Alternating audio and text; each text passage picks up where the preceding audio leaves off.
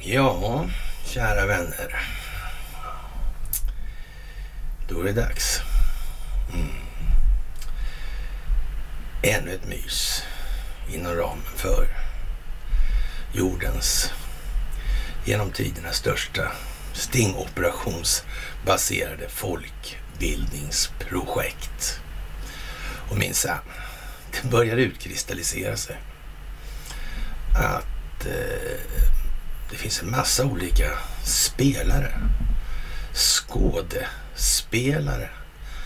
De eh, gör saker för att skapa optik.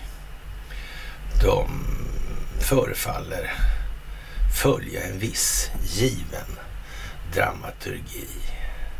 Det har kanske framstått som att de har eh, ja, haft en avsikt som i eh, ljuset av verkligheten idag kanske närmast verkar ja, motsägelsefull, så kan vi säga.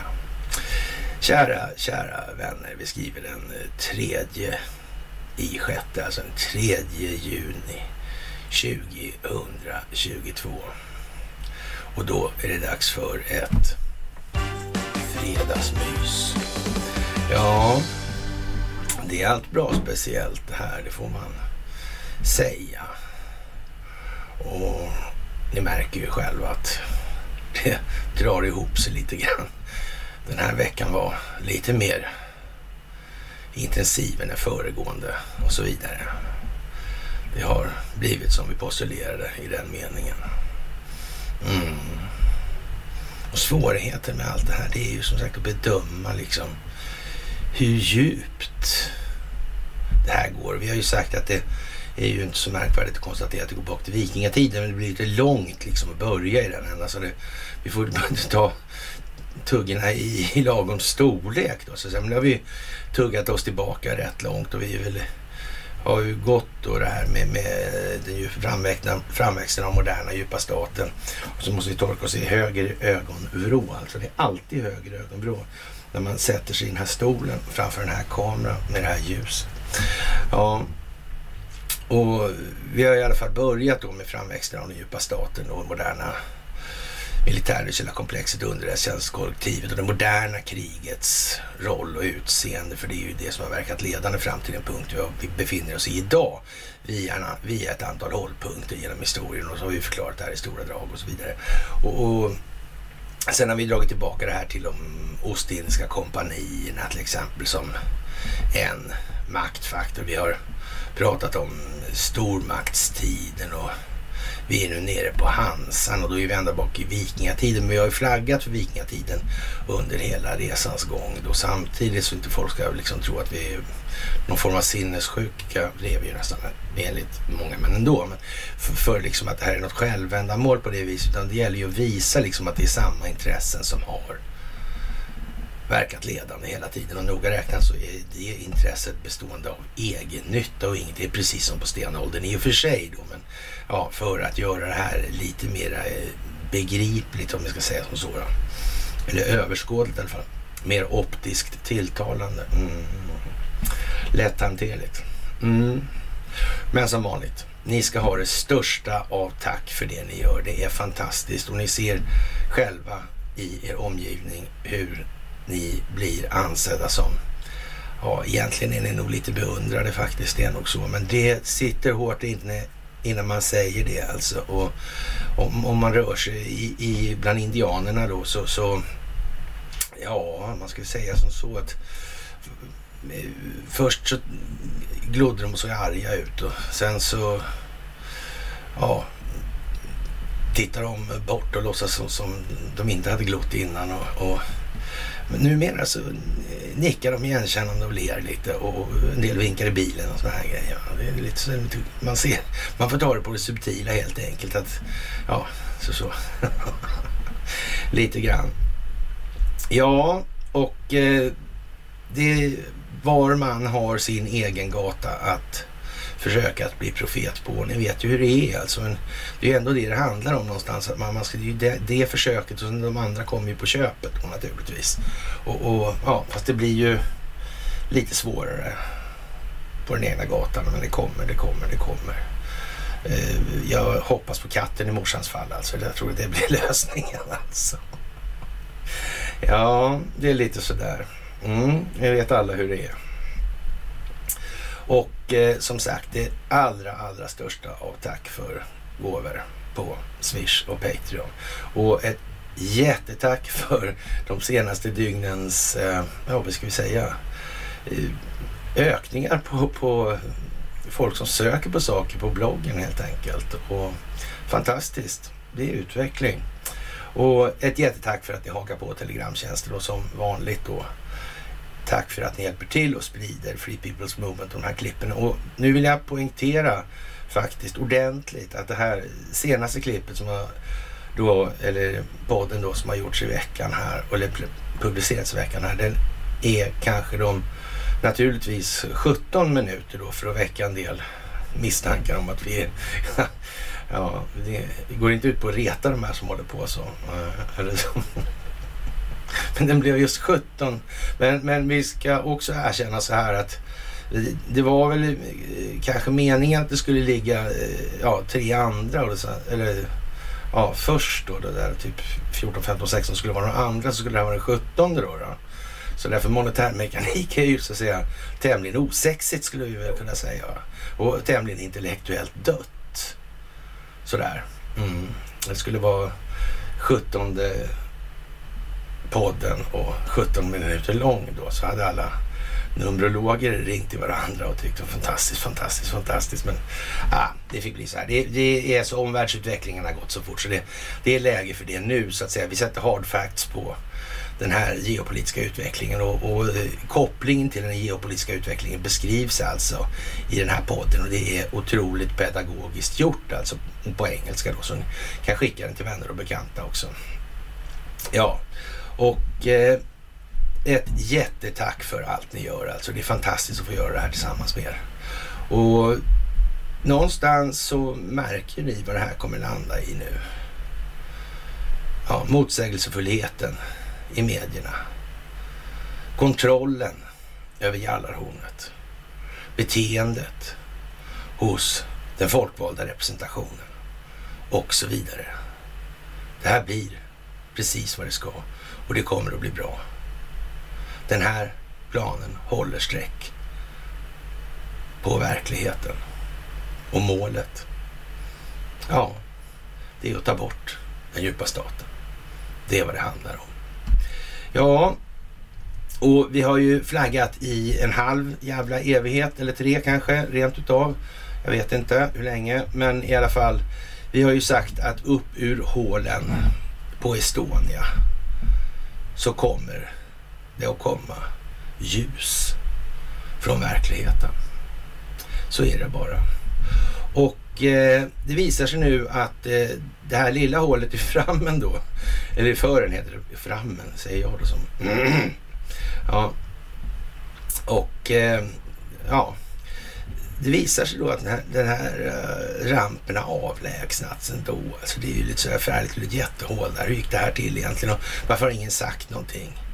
Eh, är det någon form av mörkläggning i, i bakgrunden på det här? Har det varit någon planering? Fast det någon anledning naturligtvis kan man misstänka att det borde ha funnits om de, de väljer att börja mörka ur haveriutredningen. Och den här haveriutredaren där, Hirschfeldt, Tyckte han inte själv att det här utredningsdirektivet var lite märkligt? Att om det var någon militär transport som transporterade militär materiel.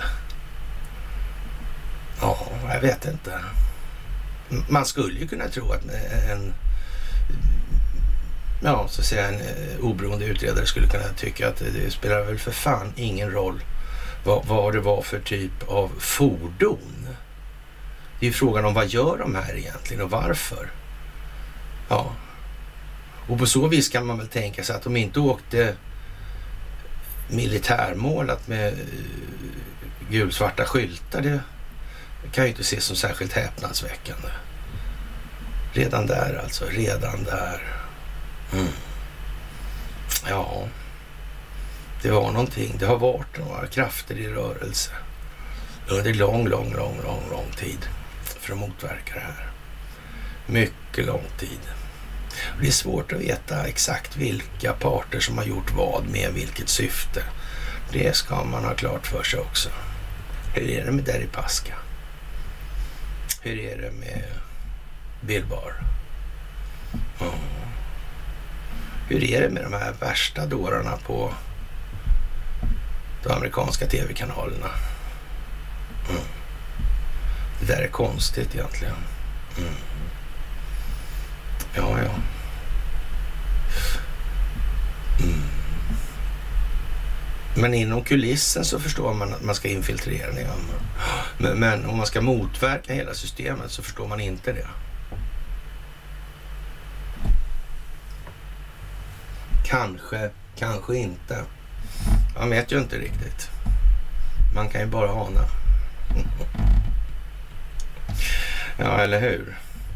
Och eh, Jaha, vid undersökningarna år 2021 upptäckte haverikommissionen att den, den sedan 1994 fastkilade rampen nu stod på havsbotten bredvid fartyget. Det var en rejäl ström där, eh, ja, från Finska viken eller motsvarande, eller kanske åt andra hållet då till och med. Jag vet inte. Eh, Fokus Estonia kan idag publicera, det var 32 minuter sedan jag delade den där och de delade väl den där igår vill jag ha för mig då. Och ja, vad ska vi säga egentligen? Det, det, ja, det, ja, ett dygn sedan alltså. Då. Och eh, jag stod på havsbotten helt enkelt och de visar då en hem, att en hemlighållen operation genomförs på Estonia efter att ombord körningsrampen tagits loss från vraket. På bilderna syns bland annat en ledning, slang, vajer eller något sånt där som ligger ovanpå rampens framsida. Den kan endast ha hamnat där efter att rampen ställts på havsbotten vid sidan av fartyget. Även de statliga haverikommissionerna hade filmat den här vajern trots löften om allt filmmaterial skulle om att allt filmmaterial skulle offentliggöras har endast 7 timmar och 48 minuter av totalt 26 timmar film publicerats. Och då får man ju, eh, ja, helt enkelt dra slutsatsen att det som inte har då eh, offentliggjorts, det var inte värt att, offentliggöra med avseende på det syfte som man hade med den här undersökningen alltså.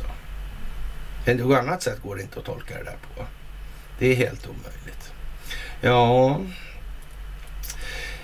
det är ju lite märkligt kan man ju tycka att det går så snabbt att förstå det nu för tiden för många. Men eh, bilderna av vargen på rampen finns i det filmmaterial som ännu inte har offentliggjorts. Alltså Fox Estonia har också identifierat en ledningslang vajer som går in på Estonias bildäck.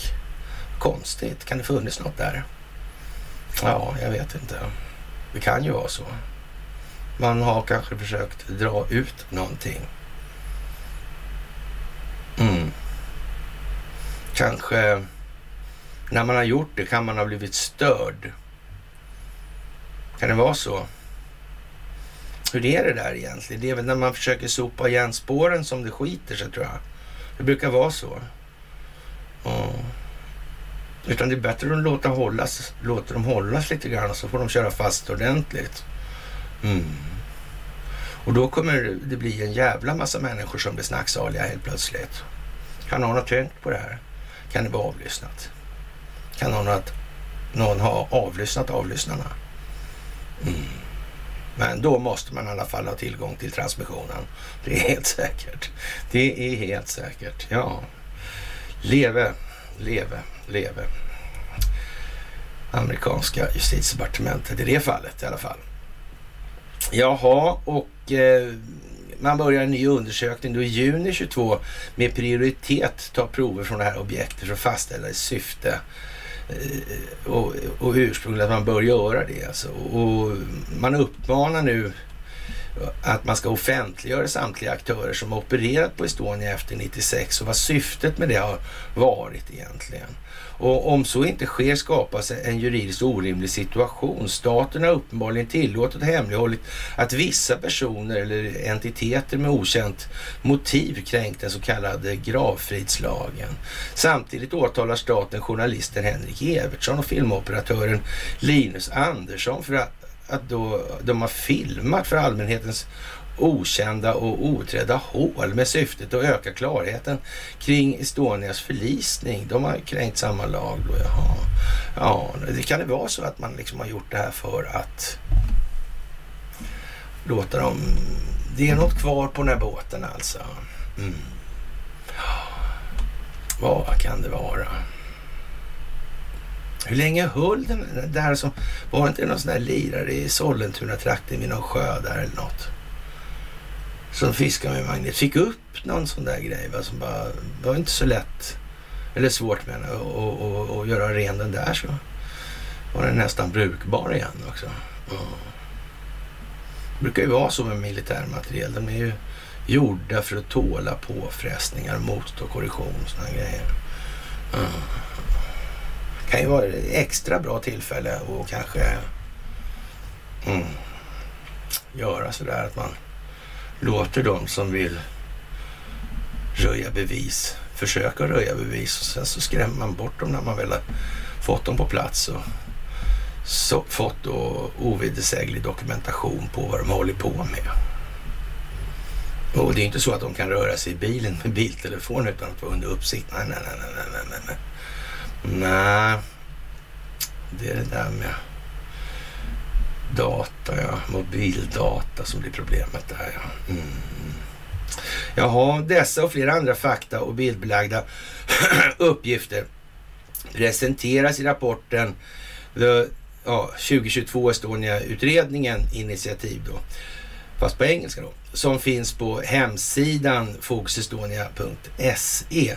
Rapporten presenterar även konkreta förslag på utredningsåtgärder som Statens haverikommission bör ansvara för i, vid sin nya undersökning sommaren 2022 nu alltså.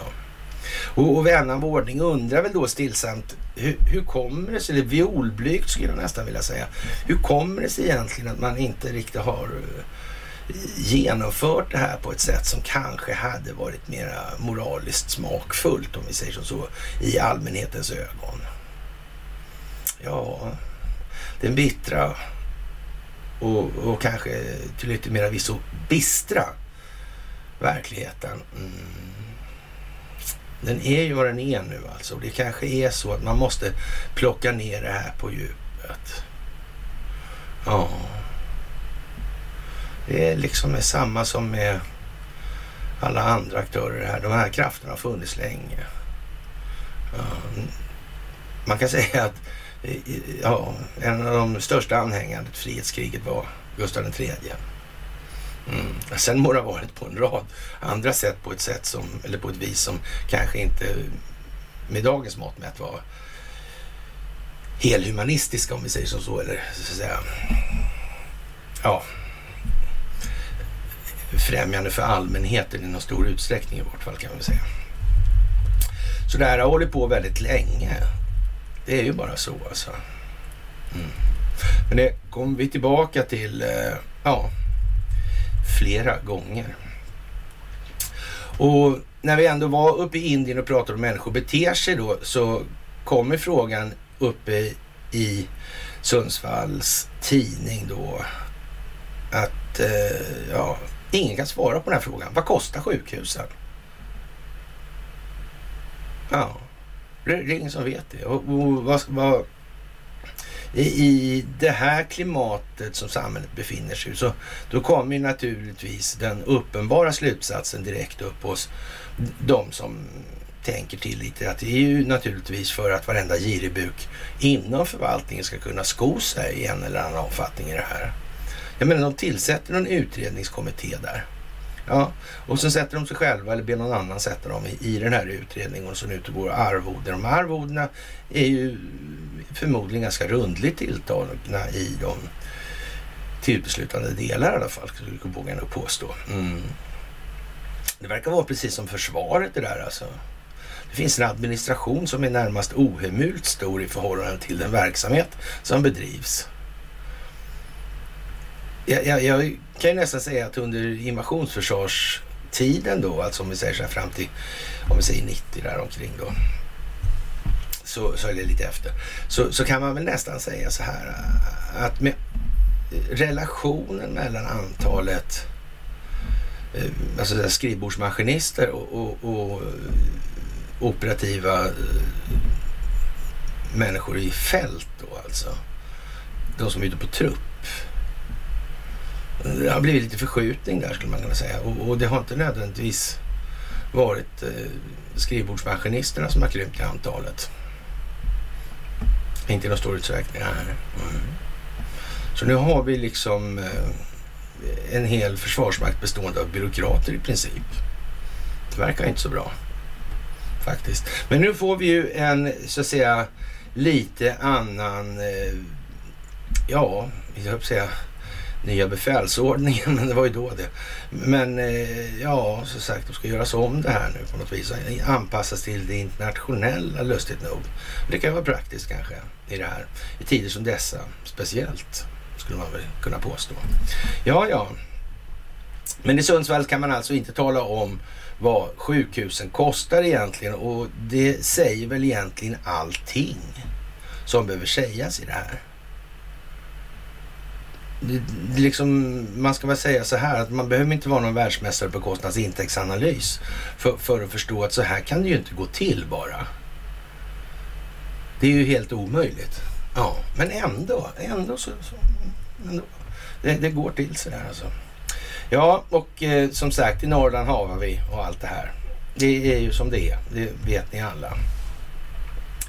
Och många tycker ju att det här är lite sådär eh, tråkigt att det ska behöva vara på det här viset och, och så. Och, och det ska ta sån tid och, och, och, så vidare här då. Men det är ju en gång så att det går inte att gå in och, och mörda, döda Hillary Clinton och så hänga henne och sådär. Alltså det, det, är en naivitet som gränsar till, ja vad ska vi kalla det för, sinnesfrånvaro. Då är man inte vid sina sinnesfulla bruk om man tror att det går att göra så. Det är så naivt så det liknar ingenting alltså. Det här måste ju rotas ur alltså. Rot alltså. Rötterna måste ur. Och, och, det beror ju på hur lång tid det här har hållit på. Och om vi kan dra det här bak till vikingatiden, ja då får man ju säga att det har varit en stund. Då är det ju snarast en fråga om vilka går att använda överhuvudtaget. Resten får nog gå för vad de ja, åtminstone har underlåtit att säga bort till då vad de uppenbarligen har gjort. Så. Men resten är ju alltså riktigt olämpliga att sitta inom den typen av förvaltning. Det är bara så. Och det finns inget mer att tillägga i den delen. Så. Och eh, ja, vad ska vi säga? Malin Falk Gramer, är inte, är inte bekant för mitt vidkommande i och för sig. Sjuk i covid tre gånger. Det har varit helt vidrigt. Och eh, ja, vad ska vi säga? Det var till och med jättekonstigt tyckte Erik tror jag då. I februari 21 insjuknade Malin Falk Gramer återigen i covid-19. Då var jag sjuk 8-10 veckor men blev återigen frisk innan sommaren och mådde bra under en period. Men eh, jag fick konstaterat covid-19 igen i februari i år och, och jag har ändå tagit alla sprutor. Eh, det är faktiskt helt sjukt och, och jättekonstigt. Ja, verkligen jättekonstigt. Och det är där vi står ungefär. Va? De här människorna som, nu, nu behöver vi inte liksom skriva henne på näsan att hon är helt dum i huvudet liksom. För det kan ju mycket väl vara så att hon faktiskt gör det här med ett syfte att folk ska tycka så där jävla korkad kan väl ingen vara va. Det måste väl vem som helst begripa. Att det här är ju något annat. Det är ju någonting som inte stämmer i det här. De här jävla vaccinen verkar helt tröstlöst värdelösa och så vidare och så vidare. Och, och det här måste man liksom förstå här någonstans att det kommer inte att gå av sig själv och den djupa staten kommer inte lägga sig ner och ge upp och säga en dag liksom att okej, okay, ledsna, vi gjorde fel, ja, nu fortsätter vi och gör som vanligt igen. Det är i alla fall vi som har makten och så vidare. Så här. Det, men det går inte så. Det kommer inte fungera. Nej, och de kommer inte göra så heller. De vet vad som eh, krävs i andra änden. De vet att befolkningen inte tolererar den här typen av förehavanden av folkvalda. Alltså en, en svensk eh, har ju den fördelen, dels är den pacificerad så den inte håller på, den går inte att lura till liksom att ställa till kris och krig på gatorna så där. Det kommer inte att fungera. De är för egennyttiga och lata liksom. Så det kommer inte att gå. Mm. Och det är bra i och för sig då. Men samtidigt är det så här att samtidigt som de gärna lurar andra för att vinna själva så accepterar de fan i helvete inte att bli lurade själva på det viset. Alltså, de tycker de har betalat skatt och så vidare. Sen att de inte begriper vad pengar är. Så, det, så pass. Men, men eh, ja, det, det, blir ju liksom någonting som man får så att säga lag efter läge till då. Att man måste tänka på att det finns en viss eh, socialpsykologisk disp disposition hos befolkningen och det måste man hålla sig och rätta sig efter. Och eh, amerikanerna har eh, en idé om att ja, det är verkligen America first, alltså det tilltalar dem. Och sen om det sker på bekostnad av alla andra så visst, det är klart det gör det. Det fattar de ju, men, men det är så det ska vara. Och, och jag är inte övertygad om att det, det är sådär jättelyckat. Men det går som sagt inte att ta på en gång alltså. Det går inte. USA har varit den verkställande handen åt den djupa staten hela tiden i det här. Hela tiden från början till slut. Och det kommer vi tillbaka till idag och vi kommer tillbaka till det nästa gång och så vidare. Men som sagt, det finns säkert ett antal människor som tror att den 8, 9, 10, 11, 12, 13 och så vidare sprutan kommer att ordna det här som intellektuellt dött sedan starten. Liksom. Mm. Och bygger på att man har en icke fungerande kontrollprocess i sammanhanget. Mm. Så om man ropar på får man svar, skulle man kunna sammanfatta PCR-testet som. Ja, jaha, sunt förnuft då, då. Urban har en liten inlaga i saken och eh, USA är liksom, eller var övertygad om att Biden självsäkert och lugnt skulle, lugnt skulle leda landet, men nu finns det flera tecken på eh, det här ledningsmisslyckandet. Ett av de grundläggande problemen i det här det är att Biden är så långt ifrån en ledare som man någonsin kan komma, vilket alla som har någon form av förståelse för verkligt eller naturligt ledarskap ser på sekunden alltså. Han, han är inkarnationen, han, han får ju snudd på Göran Persson eller Carl Bildt eller någon annan svensk politiker att framstå som en ganska altruistisk och offervillig individ alltså. Det, det är väl lite så. Va? Och, och, men han kommer ju alltså från New Sweden så det kan ju bero på det då.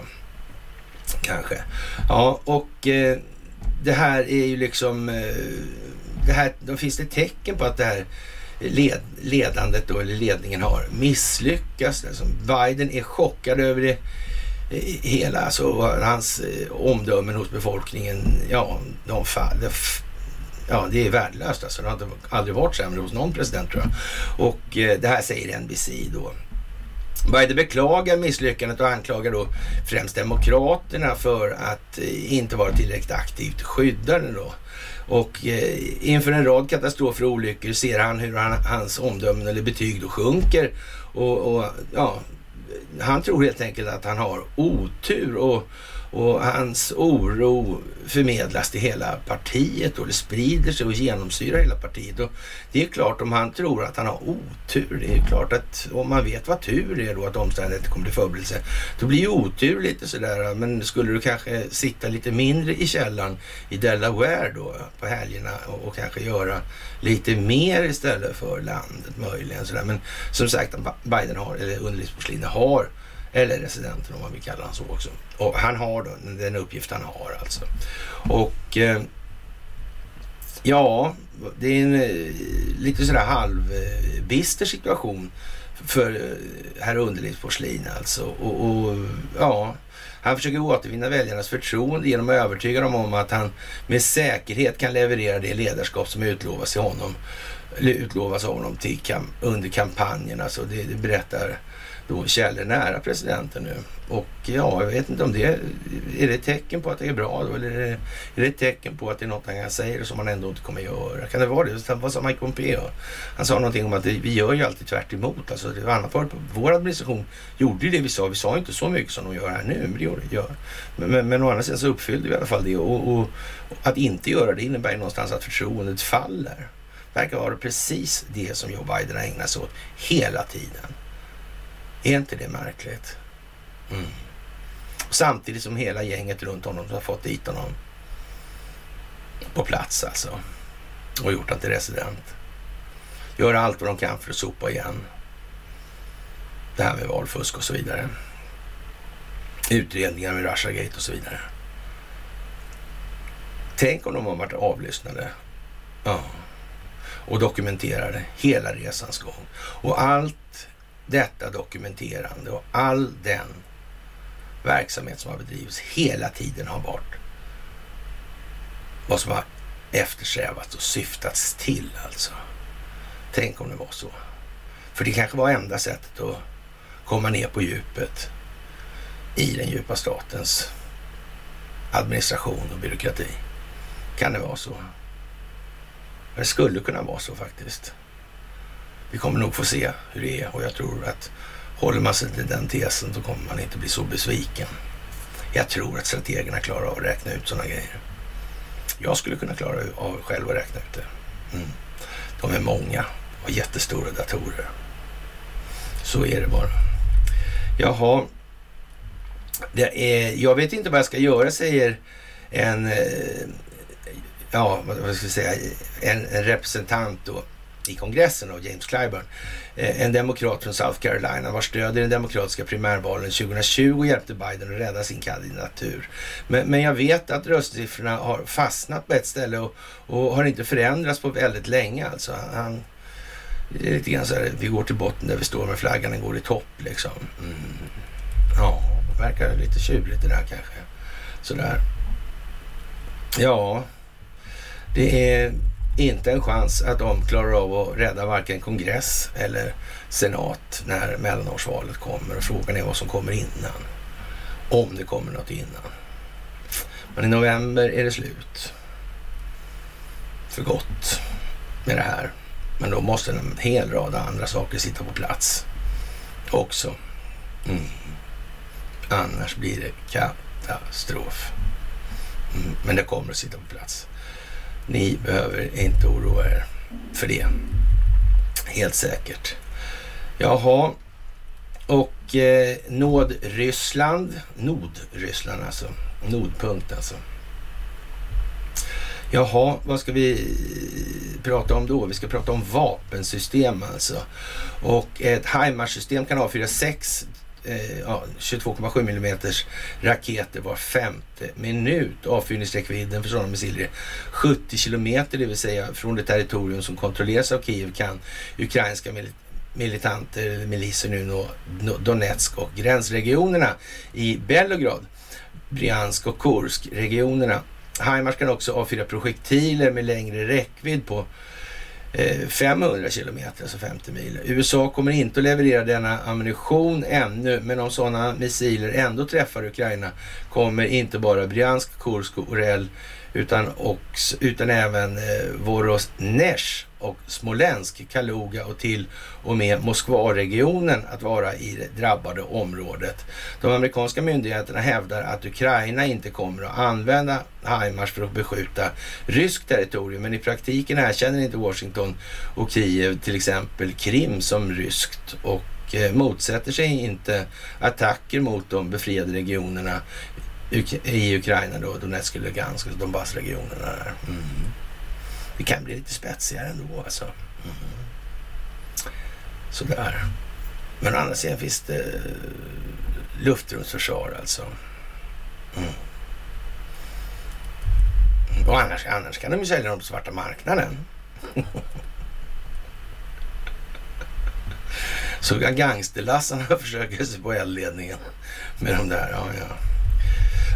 mm. Sådär alltså, faktiskt. Och eh, Victoria Nuland ignorerar en inbjudan från parlamentariska, parlamentariska kommissionen att undersöka verksamheten i de amerikanska biologiska laboratorierna.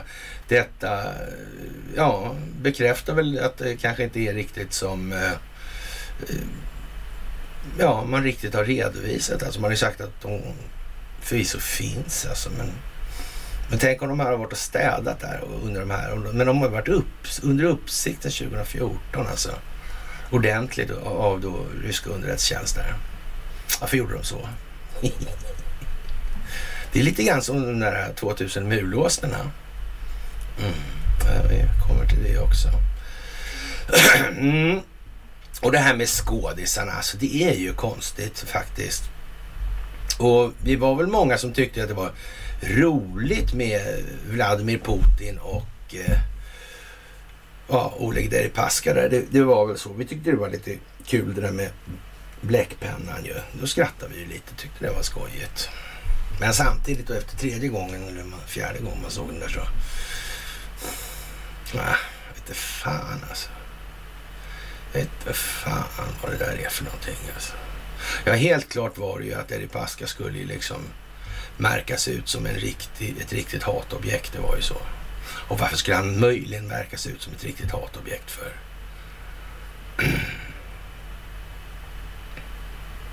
Vad kunde syftet vara med det? Alltså, vad hände 2007? Det är en lite bra grej så här att tänka på. Och varför just det här med Oleg Deripaska då? Ja, för han är Sundsvalls oligark förstås. Givetvis, för han är ju närmast en svensk angelägenhet i det sammanhanget. Mm. Och han har nog tassat runt och gjort en del grejer alltså. Och då kan man säga så här. Strabag är ett multinationellt österrikiskt företag och, byggnadsföretag då, för, konstruktion och byggnadsföretag eller anläggnings och byggnadsföretag. Företagets huvudkontor ligger i Wien men huvudverksamheten finns i Villach. År 1995 förvärvades det tyska byggbolaget Sy förvärvade, förvärvades det tyska byggbolaget Sublin. Syblin. Strabag-koncernen hade under 2012 närmare 77 000 anställda. Och ja, det där är lite eh, speciellt får man ju säga så här. Och det är ett av de största byggföretagen i Europa. De har pysslat till exempel att bygga underjordiska anläggningar och sådana här grejer. Det är jättestor, alltså, ja, mellan 50 och 100 000 anställda. Det är ju liksom rätt så rejäl pryl alltså. Och mycket, mycket, mycket större än vad eh, Skanska och sådana här är. Alltså enormt mycket större. Mm. Det är lite speciellt. Och De har då, eh, ja, det är det största byggföretaget i Österrike och de största byggföretagen i Europa. Företaget är aktivt på sina hemmamarknader i Österrike, Tyskland och alla länder i Central-, Öst och Sydeuropa, Sydösteuropa på utvalda marknader i Västeuropa, Arabiska halvön samt Kanada, Chile, Kina och Indien. På dessa marknader har Strabags dotterbolag, dotterbolag då och, och verkar på projektbasis. Eh, och 2007 då, i april hände något lite lattjo sådär. För då dök det upp en lirare där och, och köpte 25 procent av det här bolaget. Och, ja, för eh, 1,05 miljarder euro, alltså 10 miljarder spänn. Mm. Han hette då Oleg Deripaska. Han var ju köptagen vid, det här tid, vid den här tiden, alltså det här året. Ja. Mm. Det var samma år som han förvärvade Kubal. Tänka sig. Samma gubbe som alltså snor pennan av Vladimir Putin. han hade bergs inte råd. han såg inte att de filmade det heller. Eh, Efter han hade sagt att han hade skrivit på, fast han inte hade skrivit på. Men så kan det vara. Så, så är det nog faktiskt. Ja. Ja. Vad gör han för någonting den här då? Där i Paskan. Han kanske ja, ägnar sig åt någon form av saneringsarbete i anslutning till de här företagen. Kan det vara så att han försöker röka ut korruption i anslutning till de här? Kan det vara det han håller på med i Calcutta? Han fick ju bra räckvidd på den typen av insatser om man förvärvar det här Strandberg. Mm. Just det, vi är ju ganska sådär, de länderna om man tänker sig då alltså ur ett annat perspektiv kan man ju säga så här då. då eh, om man ska sanera den djupa staten, är det bra då att ha då eh, ett av de största byggföretagen, eller kartläggarna i djupa staten, det största byggföretagen i Europa och så att säga finnas i Österrike, Tyskland och alla länder i central, öst och sydösteuropa på utvalda marknader i Västeuropa, på arabiska halvön samt Kanada, Chile, Kina och Indien. Skulle det kunna vara en bra grej att känna till då? Eller vad den djupa staten har för greningar och sådana grejer. Då får man informationstjänster där och så kan man ju vända på det en vändning till och så kan man ju säga så här. Men eh, finns det ingen risk att han prövar? Han är ju känd för att vara en ohetlig tjuv och, och det har ju alla sett för han stal ju Putins penna. Så att han försöker mutas, det får man ju nästan ta för givet alltså. Det kan man nästan anse ligger i arbetsbeskrivning för att gå runt och oligarka sig som vi sa. Mm, kanske är så. Vad gör en oligark? Han mutar sig. Ja, ja det är det han gör. Ja. Men, men frågan är vad han mutar och varför. Mm. Vad, vad, vad, ska det vara bra att veta för? Eller var det bara för att tjäna de här stålarna alltså? Mm. Ja, men andra pengarna har han... Om vi säger då att han köpte dem, man var ju 10 miljarder spänn då som är förmodligen inte sådär skitbilligt då. Och, och, han har säkert gjort några förvärv till alltså. Och han har säkert gjort det här på, på så vis att det ska liksom ja, fylla ett syfte. Är det ens säkert att det har varit möjligt att göra de här nästan vad man kan kalla för fientliga förvärven utan att ha hjälp från insidan, alltså de som försöker förhindra den här typen av fientliga förvärv. Det måste funnits några på insidan av Stockholmsbyråkratin också som har verkat under lång tid för att motverka den här typen av verksamhet. Mm. Som den djupa staten bedriver. Det måste ha funnits på insidan. De måste ha förstått det. Tror ni inte det? Ja, det kan vara så. Mm. Och, och, nu är det många som undrar hur fan också jag suddade där liksom. Nu, kom, nu är den enda frågan egentligen. Hur jävla länge har jag varit övervaken? Fan, fan, fan. Har man gjort något jävla dumt sista eller senaste åren? Mm. Ja, det lär ju resandens ensak utvisa så att säga. Det var ett jävla shoppande 2007 på Deripaska med andra ord. Och ja, som sagt, man bygger tunnlar då i det här sammanhanget med det här bolaget. Mm. Också. Mm. Ja, det är ju fantastiskt alltså, måste man ju säga. Det är fantastiskt. Ja, det är naturligtvis var det ju, det här byggföretaget var ju alltså nazistkopplat så det bara räcker och blir över. Men det gäller ju att hålla eh, saker för vad de är idag i just den verkligheten. Det, det är viktigt alltså. Det är jätteviktigt. Ja, och eh, en skådis är ju en skådis. Och, och mm, Hugo Muning kraxar då i det här eh, visdomens träd, eller med livets träd, där Yggdrasil. Mm. Och så springer den jävla Ratatosk. Men han har inte så mycket chans den här Hugo Munen i farten. Det, det har han inte. Mm. Och, och, nu undrar Hugo Munin försynt då om eh, det här historien med den där politiska vilden då i... Eh, ja, hur är det där egentligen? Hur är det där egentligen? Mm. Den där Amine, vad heter hon? Mm. Det är konstigt det där alltså. Tänk att de figurerar på bilder på internet. Med YPG-stjärnan i bakgrunden och med någon Kalashnikov där och... Ja. Konstigt, konstigt, konstigt. Så åkte hon ur och blev politisk vild alltså. Mm. Vad hette han Etzler där pratade om det där. Mm. Hur var det där egentligen? Hur gick det där till? Alltså, visste de, visste de inte? Förstod de, förstod de inte? Är inte det där lite övertydligt? Vilken sida kan hon egentligen vara på i det här? Ja. Kanske kom de på att de hade åkt på en blåsning. ja, Ja, ja, det kan vara så kan det vara. Jag säger inte att det är så, men det skulle kunna vara så. Det skulle kunna vara så faktiskt. Festligt i alla fall. Jaha, en, eh, ja vad ska vi säga egentligen då? Betedde sig groteskt fick sparken från Ericsson och, och, jag vet inte.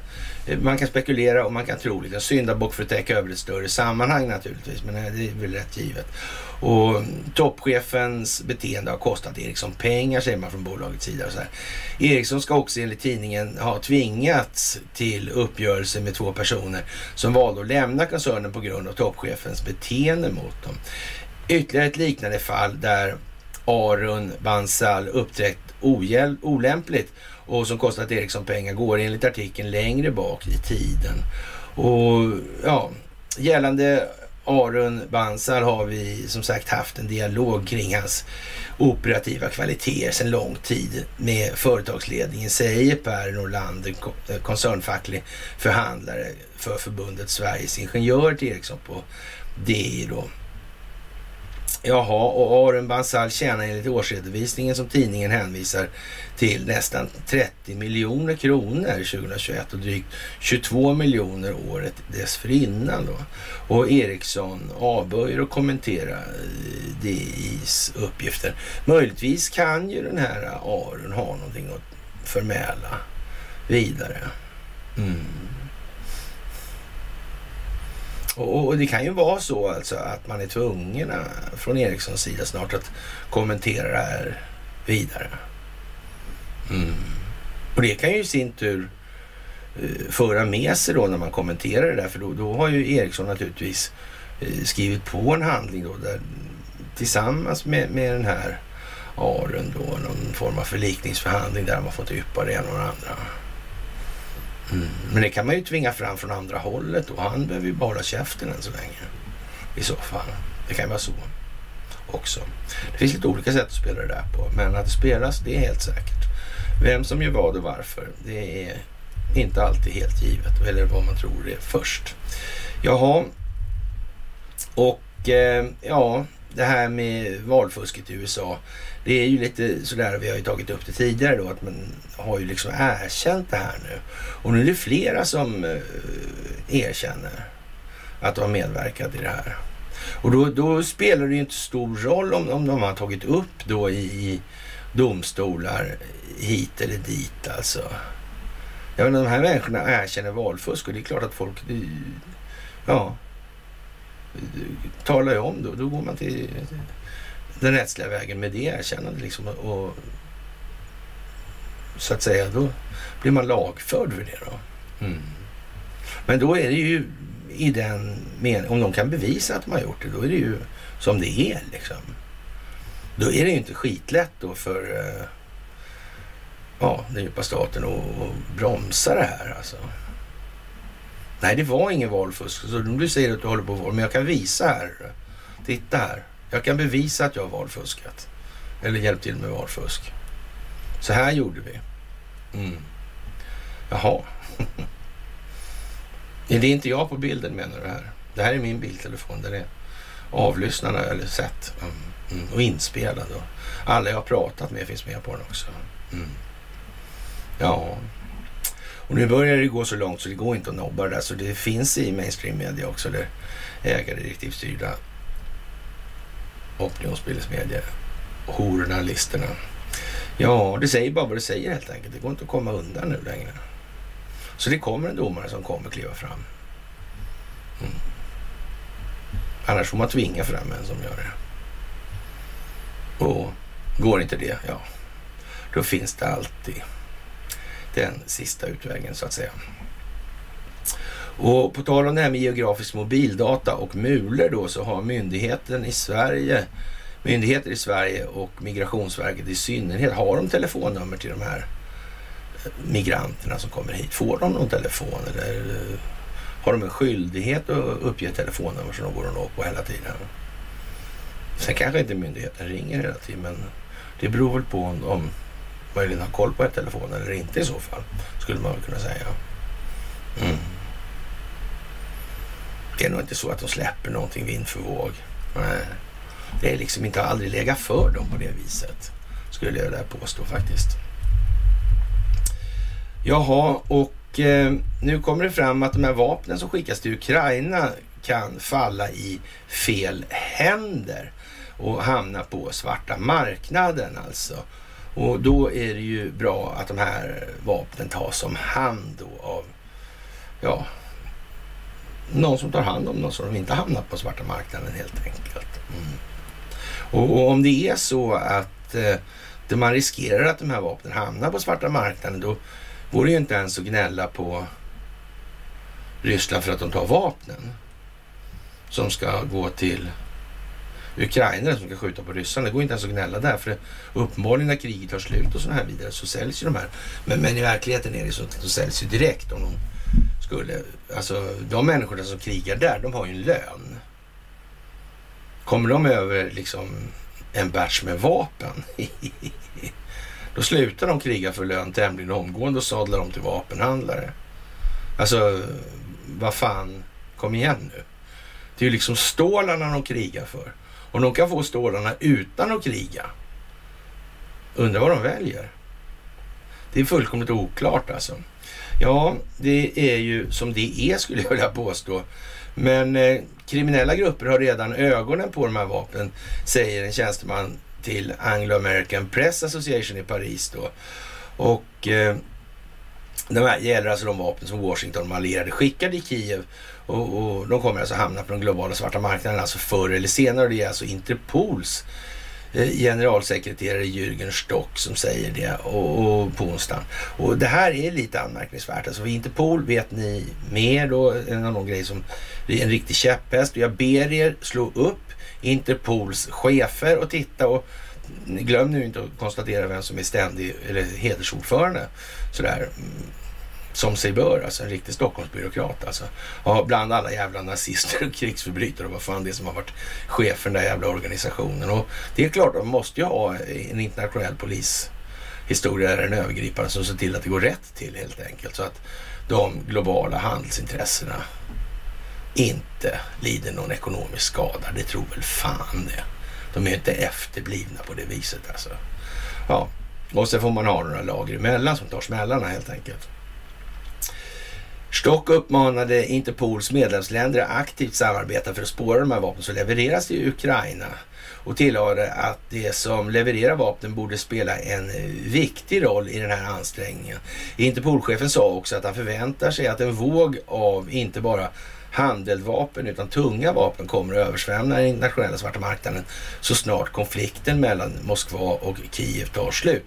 Eh, det här måste man skriva för att det ska låta som något. Det är ju naturligtvis precis som jag säger att eller på så vis då att eh, är det så att de kan tjäna pengar direkt så tjänar de pengar direkt. Alltså de tänker inte gå och vänta på att någon jävla konflikt tar slut och går åt ena eller andra hållet. Och är det så att de befinner sig på den sida som med absolut störst sannolikhet kommer att förlora, ja då blir de inte mindre benägna att sälja vapen och dra därifrån om vi säger som så. Helt säkert. Mm. Ja, när, när väl vapnen tystnar kommer de illegala vapnen att komma. Det vet vi från många andra konflikter. Brottslingarna fokuserar till och med nu på de här, ja redan nu alltså. Och tillade att de kriminella grupper som skulle försöka utnyttja dessa kaotiska situationer för att få tag i vapnen som används av militären, inklusive de här tunga vapnen alltså. Inget land eller region kan hantera det isolerat eftersom dessa grupper verkar på en global nivå. Det är någon slags, någon slags globalister de också, alltså de här vapenhandlarna.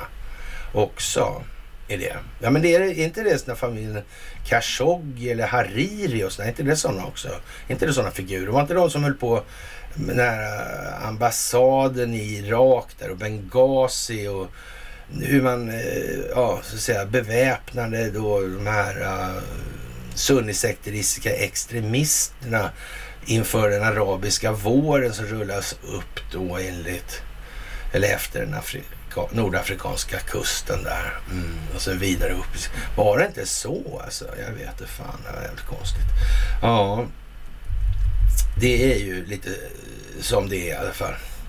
Och eh, Interpolchefen sa också att Europa kan komma att se en massiv inströmning av illegala vapen. Han efterlyste inrättande av ett spår och spårsystem för vapen som skickas till Ukraina och tillade att det var i kontakt med medlemsländerna för att uppmuntra dem att använda de här verktygen. Och vi har inte hört riktigt om eh, Sverige har nappat på det här. Det, det har man inte, jag har inte hört så mycket om det alltså. För man kanske inte ser den risken. Och i alla fall vill man inte tala högt om den risken.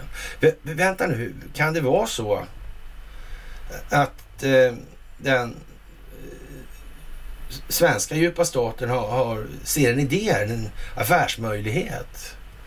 Först kör man ut och så smugglar man hem dem igen kanske. Eller vänta här nu. Då kanske man inte ens kör iväg dem. Om det är så. Ja. Ja, för de finns ju inte här nu. Nej, I så fall. Men som sagt. Vi får väl se vad som blir beslagtaget i det här. Ja, på frågan om Interpols som Interpol pratar vi om då som eh, företeelse då, och alla hederliga människor som har varit där då. På frågan om Interpols potentiella inblandning i utredningen av påstådda sanktionsflykter och penningtvätt och sådana grejer av ryska affärsmän som drabbas av restriktioner i väst, säger den här Stock då, att hans organisation varken utreder de här frågorna eller deltar i undersökningar av påstådda krigsförbrytelser i Ukraina. Sedan, eftersom mandatet då kräver att man upprätthåller strikt neutralitet och undviker all politisk verksamhet alltså. Ja, vad ska vi säga? Ja, det är liksom, det är liksom en lite global struktur då för att underhålla den globala handeln då, alltså på något vis. Mm. Och, och, och, så fort det kommer politiska intressen i det här så drar man undan tassarna. Mm. Undra om det leder till att de här globalistiska affärsintressena hela tiden använder politiska frågor då. Som metod alltså för att se till att inte Interpol har en rättslig grund för att intervenera. Kan det vara så? Kan man ha kommit på det liksom? I, ligger det invävt i själva systemet? Eller är det så? Ja, jag vet inte. Alltså, jag har tänkt att det, det är ju en möjlighet alltså, man kanske ska ha lite under beaktande. Ja, ja, ja, ja. Jaha, våra kommunikationskanaler förblir öppna för medlemsländer för utbyte av information om krigsförbrytelser. Men vi tittar inte på krigsförbrytelser. Interpol har inga utredningsbefogenheter för det, säger han och vidare. USA tillsammans med allierade som Tyskland och Storbritannien har stadigt försett Ukraina med vapen sedan konflikten med Ryssland börjar i slutet av februari. Det mesta av utrustningen har bestått av handeldvapen och bärbara pansar, PV-vapen, och luftvärnsmissiler tillsammans med ammunition och bränsle. På onsdagen sa USA att de kan sälja eh, ja, MQ-1C Grey Eagle drönare till eh, Ukraina då som kan eh, ja, beväpnas med upp till åtta Hellfire missiler då. Och eh, Slovakiens försvarsminister meddelade samma dag att man skulle förse Kiev med självgående haubitsar. Alltså. Och eh, Storbritannien har tidigare sagt att de övervägde att beväpna Ukraina med flera USA-tillverkade raketuppskjutare då. Men eh, behövde först Washingtons godkännande i det här då. De fortsatta vapenleveranserna har fått vissa brottsbekämpande organ att uttrycka oro över vad de här vapnens öde blir egentligen. I slutet av maj sa Europol, EUs brottsbekämpande organ, att eh, till tyska medier då, att vapen som levereras till Ukraina kan hamna i händerna på brottslingar. Byråns chef Katrin de Boll jämför den nuvarande situationen i Ukraina med den på Balkan för 30 år sedan. Eh, jaha, när Balkankriget ledde till en massiv inströmning av vapen till svarta marknader. Vapnen från de här krigen används fortfarande av kriminella grupper idag. Alltså. Och, och, det är väl också ganska rimligt att tro det så här att det, om det ska finnas ett behov av den verksamhet som bekämpar de här kriminella grupperna, då måste det ju finnas så att säga, ett utbud av vapen också. Mm. Det är ju så. Det är ju så. Jag undrar om de underblåser i alla ändar faktiskt. Det skulle kunna vara så. Det ska nog inte uteslutas att det är faktiskt på det viset det här går till. Ja, möjligen, möjligen, möjligen alltså. Jaha, och vad ska vi säga om det där då? Att Ukraina säljer krigsmateriel som de har fått vidare på dark web. Då eh, jag kommer fram då i, i anledning av det här också. Jag vet inte.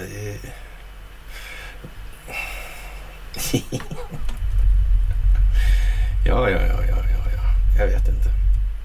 Och som sagt, det här med valet i USA. Det hoppar lite hit och dit för det är samma sak. Liksom. Det är bara olika aspekter på samma tema med den djupa staten som central instans eller entitet i betraktelsen.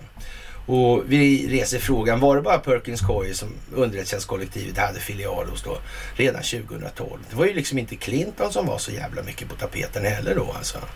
Det måste ju varit någon annan som stod för den här skiten. Mm. Och var det verkligen, vad hade inte eh, Facebook och Google. Och de här, hade inte de någon sån där eh, variant också? Men det var, var det inte så? På något, alltså det där måste man ju titta efter alltså. Kanske Twitter hade det också. Mm. Ja, det kan ju vara så. Det kan ju vara så. Och om de har fuskat så mycket med det här med bottarna och sådär. Och nu börjar alternativmedierna skräna om att de vill förbjuda anonymiteten på, på nätet och, och, och jävlar vad hemskt alltså. Ja, jävlar vad hemskt. Vad sägs om öppen identitet och stå för det man säger istället? Ja. Och är det så att det tar emot då får man väl kämpa emot då för helvete. Men man ska tänka på sig själv då främst i det här. Och då får man ju välja då. får man antingen tänka på samhället först eller så får man tänka på sig själv först. I den meningen. Och tänker man på sig själv först, då kan man ta med fan inte gnälla över utvecklingsriktningen om den går en emot sen. Det är bara att inse det att då det är man bara loser ju. Ja, det är väl ingenting att gnälla över. Vad fan trodde de att de skulle vinna hela världen? Eller? Men det var ju troligt. Ja, ja, eller hur? Mm. Konstigt det där. Vad säger Elon Musk? Vad sa han? Han ville ha jag skulle ta bort alla bottarna, sa jag. Just det, så var det. Mm. Ja, det är ju bra att göra det tror jag också faktiskt. Det är nog en riktigt bra grej alltså. Ja. Han kanske kan kolla om det är så att Twitter har någon sån här grej också. Har de haft någon sån här äh, ja, algoritmaffia från undertjänstkollektivet sittande? Kan det vara så? Mm. Små fiffiga jävlar. Ja, det vore inte bra för aktiekursen, det kan vi konstatera. Det vore tämligen värdelöst om de håller på på den strategiska nivån också. Inte nog med att de fifflar lite med, med antalet följare och såna här grejer. Nej, det, kan, det verkar kunna vara betydligt värre i så fall. Då har man ju så att säga gjort helt andra saker. Men det verkar ju inte så bra. Ja, vi får se vad det blir av det där alltså. Men eh, ja, speciellt är det allt. Det är ju trots allt så att det här var ju ända bak under Barack Obama också där på Perkins koj. och ja. Hur var det med Barack Obama här? Mm. Ja, jag vet inte. Konstigt det där. Men, men som sagt, vi, vi pratar om skådespelare alltså också. Tänk på det nu. Det är mycket som inte är vad det har utgivits för att vara. Det ska man komma ihåg nu. Och det handlar om djupet. Hur djupt går det här? Mm. Jaha, och eh, Universal Basic Income, IMF, calls for government to subsidize food and energy. Ja, mm. Ja, det är väl lätt att gå med på det kanske. Men är det någon bra idé i det här systemet? Är inte det bara om det är då allt färre som blir allt rikare på allt fler människors bekostnad. Är Inte det bara att göra dem ännu rikare och så får de andra överleva på en, ja, en lite längre tid nu då i det här systemet. Men det går ju till samma sak i alla fall då. Ja, frågan är om det är jättebra. Jag tror vi skiter i det. Va? Det är bättre att växla ner allting rätt mycket istället och sen ska vi göra det ordentligt. Så att det faktiskt är bäst för alla. Så behöver vi inte ha de här fördelningsmässiga eh, katastroferna som vi har på planeten just nu. Det kan vara mycket bättre tror jag. Eller det är rätt, rätt så mycket bättre. Tror jag, vågar jag säga också. Och eh, annars är väl medborgarlön i sig ingen... Eh, vi har ju den så att säga, realekonomiska produktivitet vi har, eller den realvärdeförädling vi har. Och, och, och det, sen är det ju som det är med den saken. Men eh, och, och fler, det behövs ju inte fler revisorer och fler advokater i så mått, utan det bygger ju på det här tillväxtkravet som systemet för med sig. Intrinsiskt, alltså det inneboende. Ja, naturen och karaktären på systemet, alltså det räntekomponentens närvaro för betalningsmedlets existens. Alltså. Mm. Ja, det är ju som sagt speciellt alltså. Men problemet är ju någonstans så här att människor har inte en förmåga att så att säga eh, ses till sig själva och, och sin egen välmåga. Vad som faktiskt den består av. Utan den står istället i relation till individen i förhållande till andra människor i, ur ett konkurrensperspektiv hela tiden. Så, ja, man är gärna lite hungrig för att alla andra ska få vara hungrigare helt enkelt. Mm. Är inte det konstigt här? Mm. Det handlar om självbilden. Det är en känsla som självbilden skapar. Den kallas för självkänsla. Mm. Mm. Och den bygger på de känslogrundande värderingarna. Ja. Det är ju så. Svenska avundsjukan, det är Stockholmssyndromet inkarnerat. Mm. Ja, är det som det är. Ja, förslag på nya placeringsregler för sjunde AP-fonden och det här är ju liksom någon form av eh, tralljökande då liksom. Ja, dagens juridik. Mm. I, i, I anslutning till det här IMF-förslaget och så vidare. Medborgarlön. Men, men alltså, är det ingen som tycker liksom, vadå, måste vi ha, måste vi ha pension om det är medborgarlön internationellt och sånt? Föreslår från IMF nu? Hur tänker, hur tänker de i Sverige och hur tänker de utomlands? Varför? Och vad handlar det här om?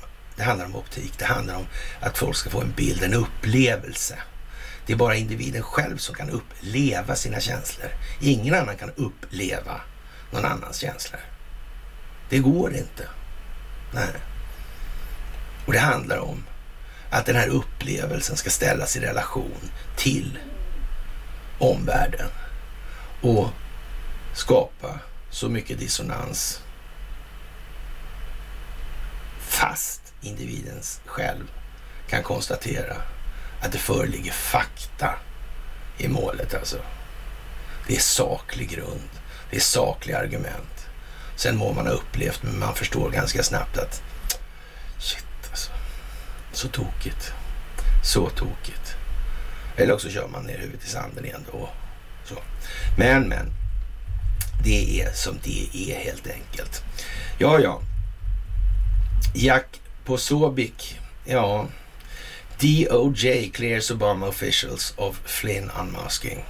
Ja, jävla skit också. Det går åt helvete för Donald Trump. Och jag har inte kollat idag. Så jag, nu har, de, då har jag en skoxen i alla fall. Ja, du ser Trump. Det var ingenting med Flynn och så vidare. eh, nej, okej. Okay. Det var ingenting med Flynn och det. Eh, det var inte så att eh, det här gick ut på att visa att domstolarna kanske inte är så där helt jävla lyckade.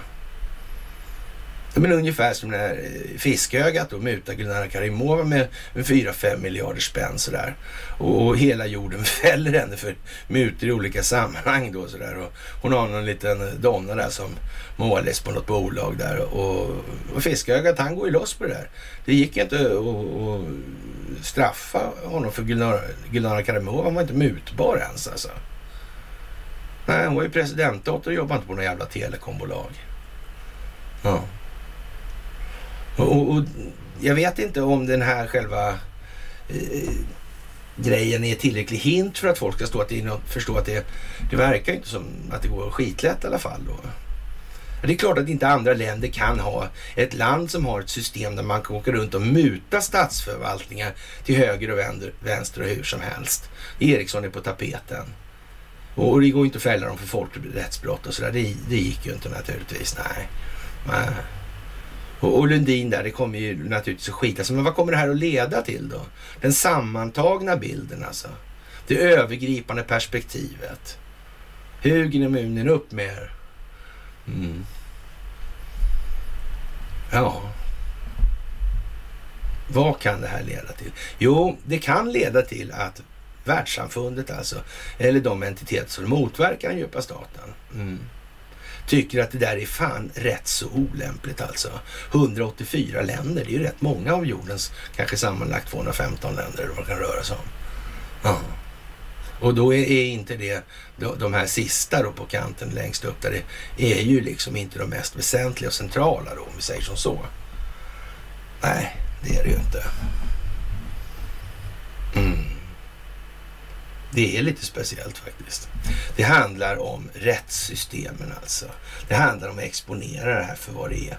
Och det är klart att har det hållit på då i USAs fall är det inte liksom lika illa ställt som det här. Om vi kan ju säga att vi har ju då, vi hoppar ju tillbaka till Hansan och, och ja, så att säga, ja, fram till 1500-1600-talet där, eller mitten på 1600-talet rent utav. Det, det, det är ju liksom det är ju lång tid alltså. I de här sammanhangen där de här, de här sakerna finns etablerade. Och sen manifesteras det här big time alltså med nationalstaternas införande vid Västfaliska freden 1648 där. Och då är ju Stockholmsbyråkratin i fullt, svang, fullt svang alltså.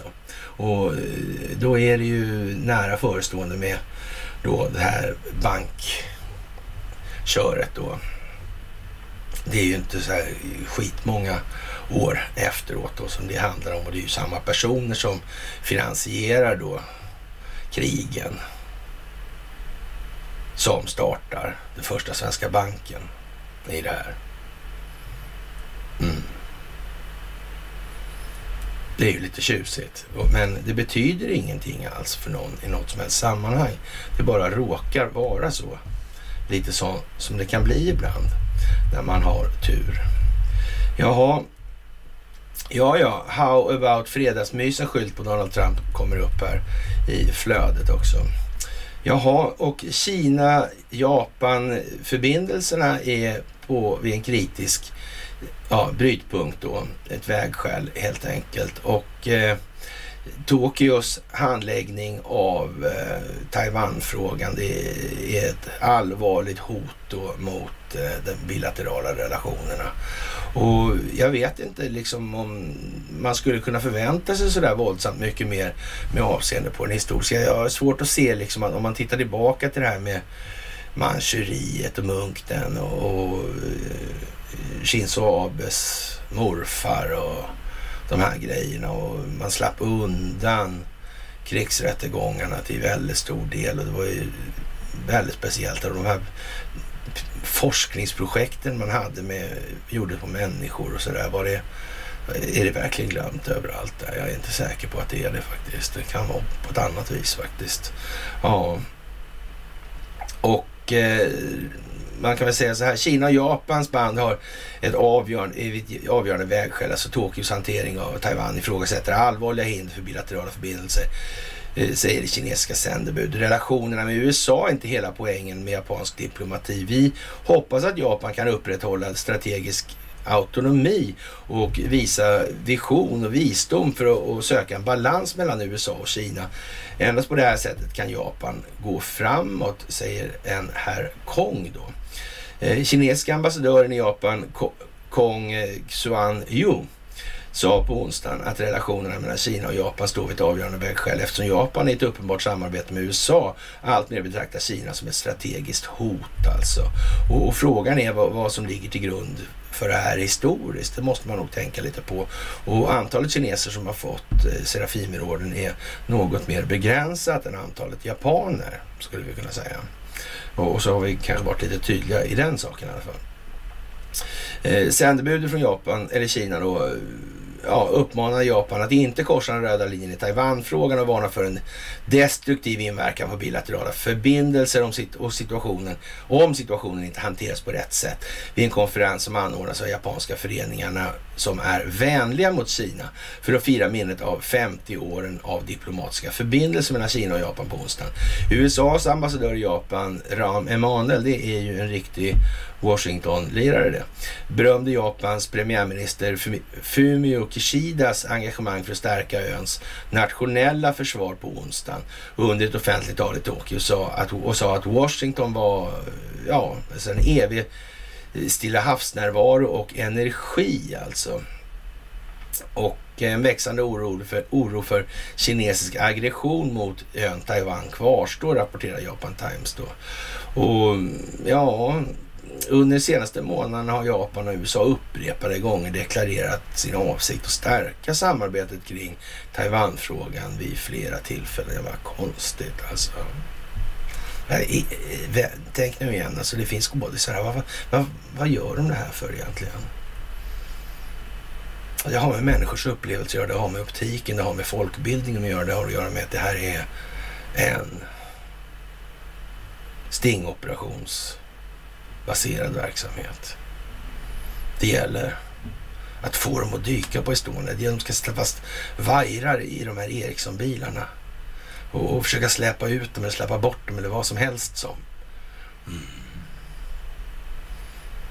De ska in på bildäcket där och göra någonting. Ja. Oh. Vad fan hade bildäcket med allting att göra? ja, just det. Mm.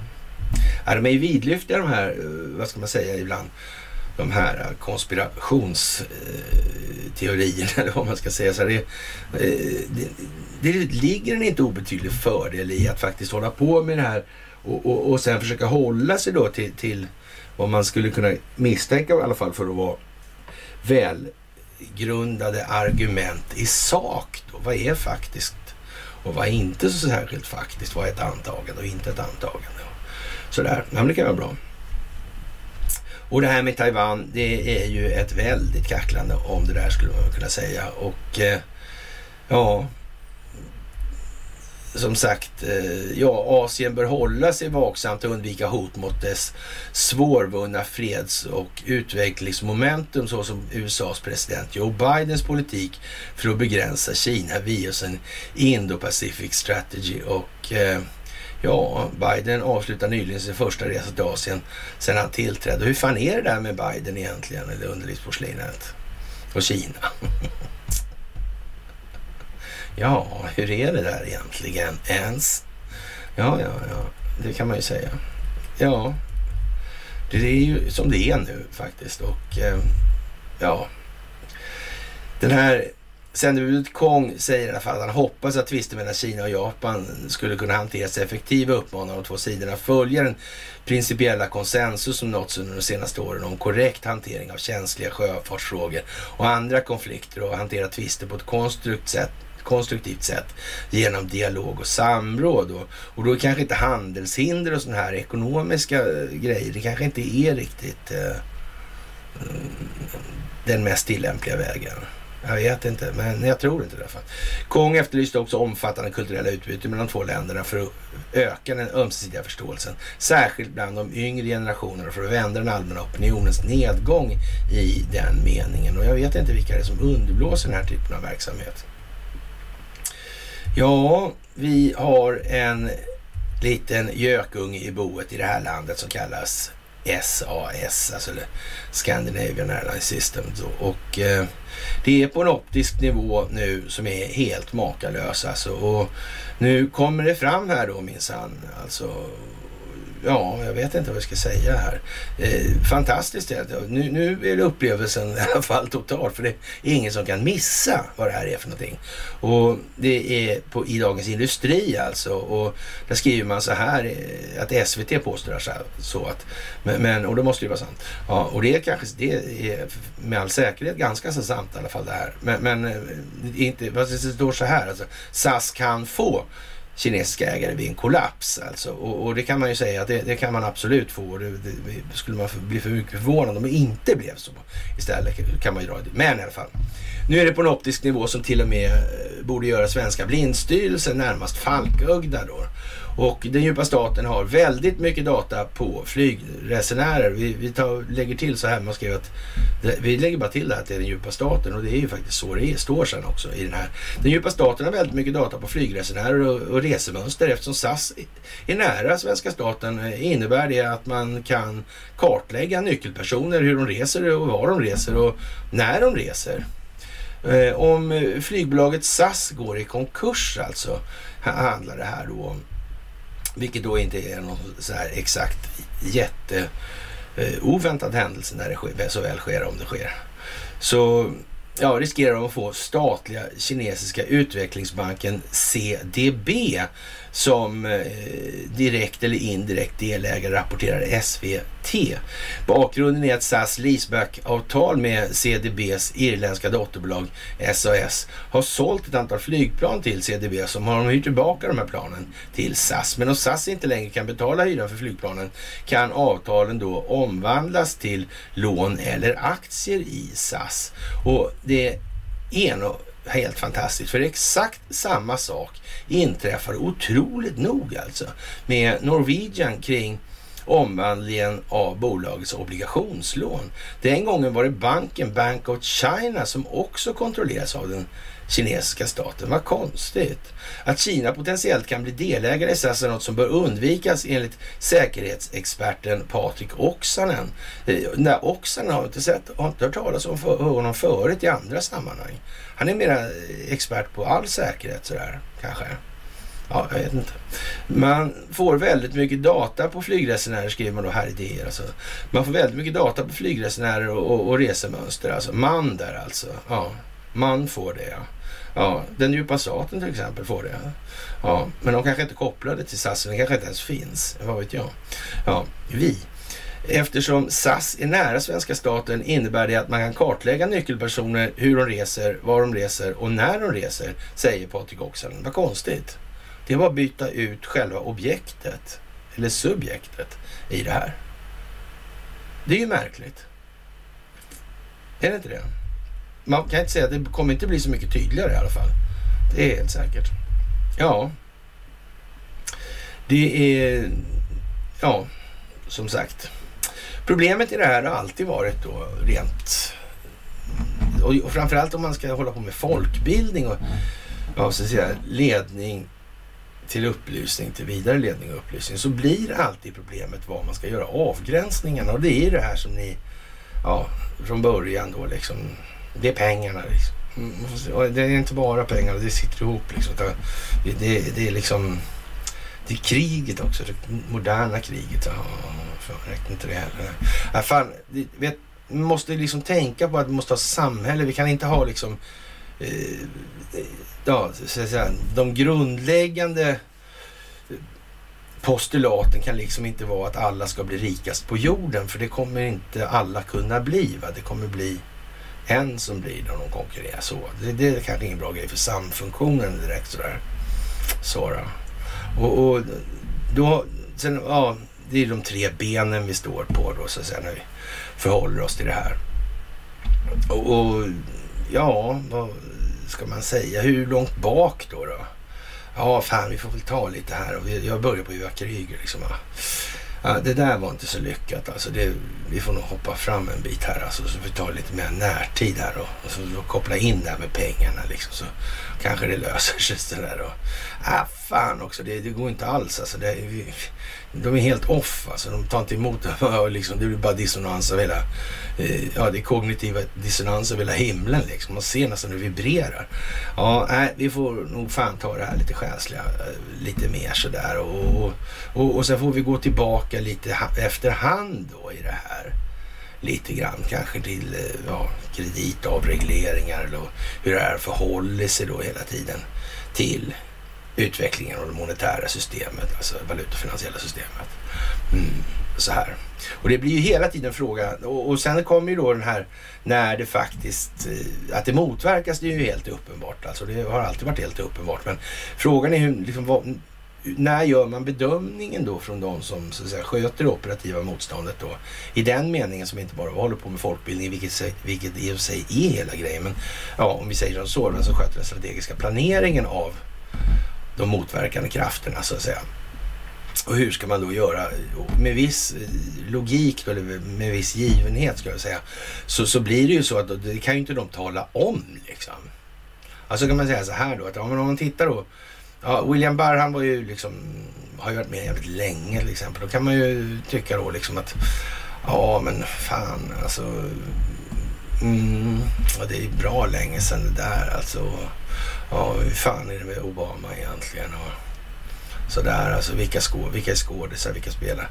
Och, och ja, CIA alltså, och de här krigen mot terrorismen och de här tortyrgrejerna som kom sen alltså.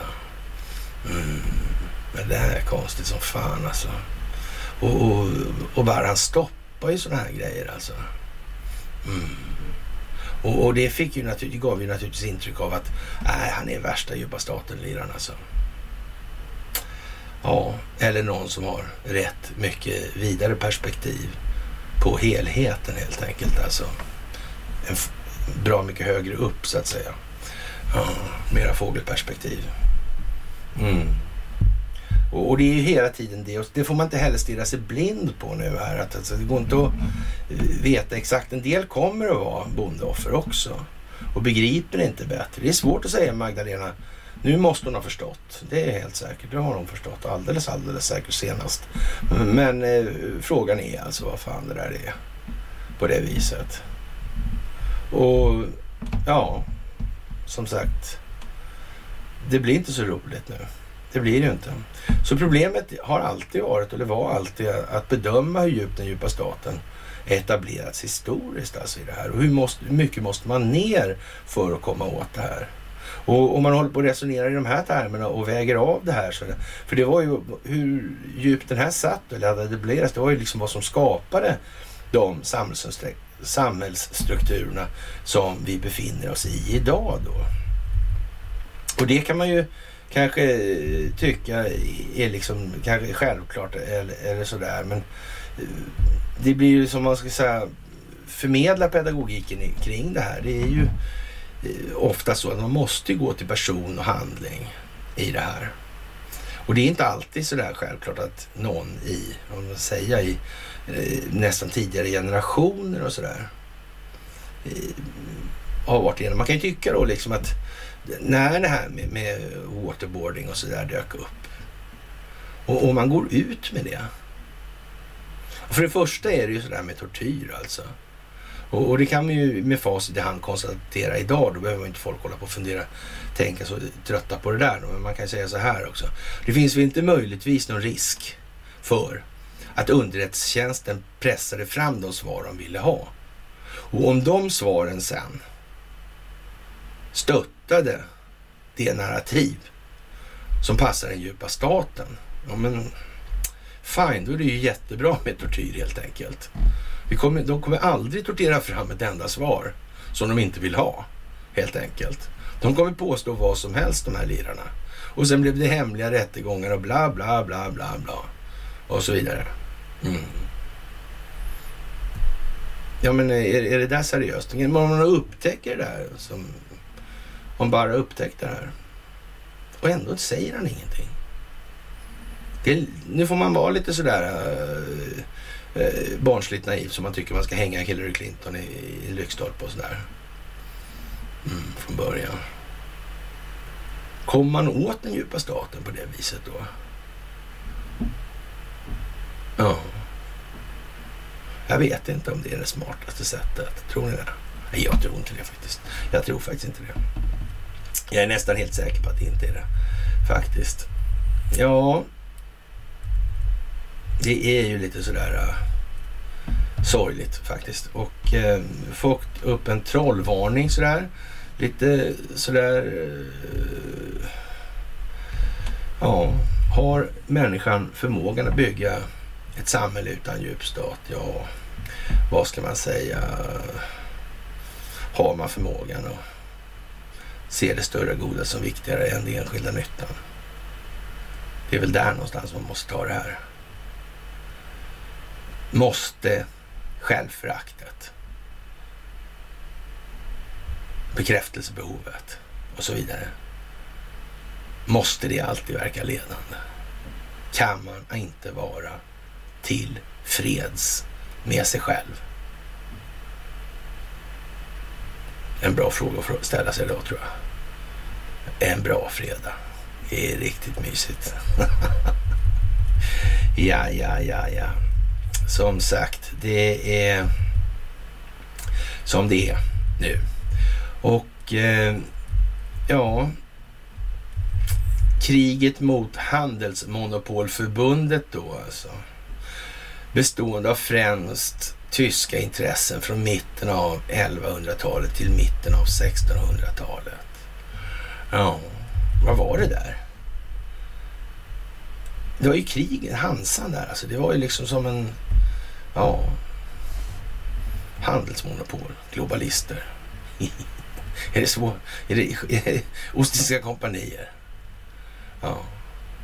Ja, ja, ja, ja. Ja,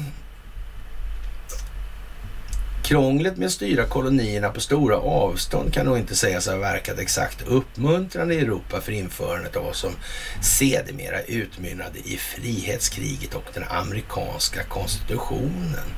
I Norrland havar vi ett Indien och så vidare. Där. Mm. Fan. De här krafterna som motverkar den djupa staten måste ändå kunna med ett stort fog misstänkas för att ha hållit på ganska länge. Det har på något vis eh, böljat fram och tillbaka. Inte så eh, mycket fram, men ganska mycket tillbaka.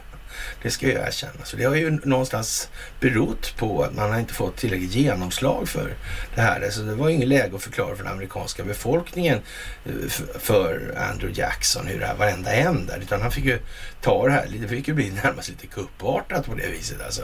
Och sen försöka göra någonting åt det där. Men det sket sig ju sen då igen. Naturligtvis.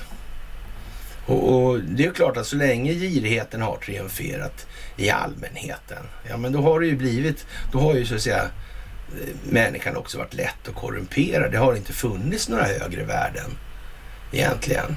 Alltså förmågan till resonemang kopplade till sunda känslogrundande värderingar, det har varit eh, inte överflöd alltså. Nej. Nej, men så alltså. Ja, ja, ja, ja, ja.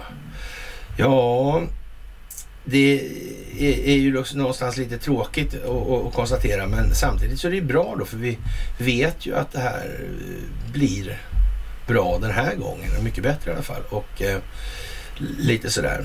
Och efter Hansan kommer då stormaktstiden då, det var en ny form av samma sak. Men då hade man banken med i det här alltså eh, som maktfaktor och styr genom pengarna i större utsträckning. Och, eh, och sen skaffar man sig då en statsförvaltning då i stans, sann Stockholmsbyråkratisk anda för att backa upp den här verksamheten. Det är inte heller sådär jättesvårt. Då. Och, och, då kommer vi vidare till det här införda nationalstaten då, folkstamsstaten, alltså folkstamsbegreppet.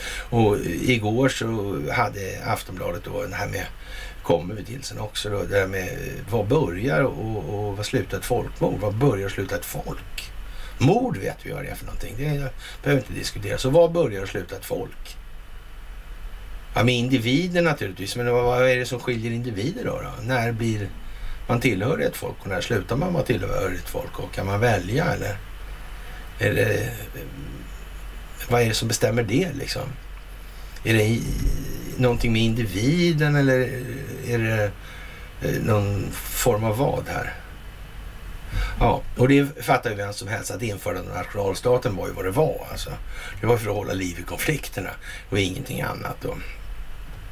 Och eh, ja, freden i Westfalen var ju vad den var då och därav uppenbarligen under inga omständigheter en tillställning grundad på främst nycker och tillfälligheter. Det var ju klart planerat såklart alltså.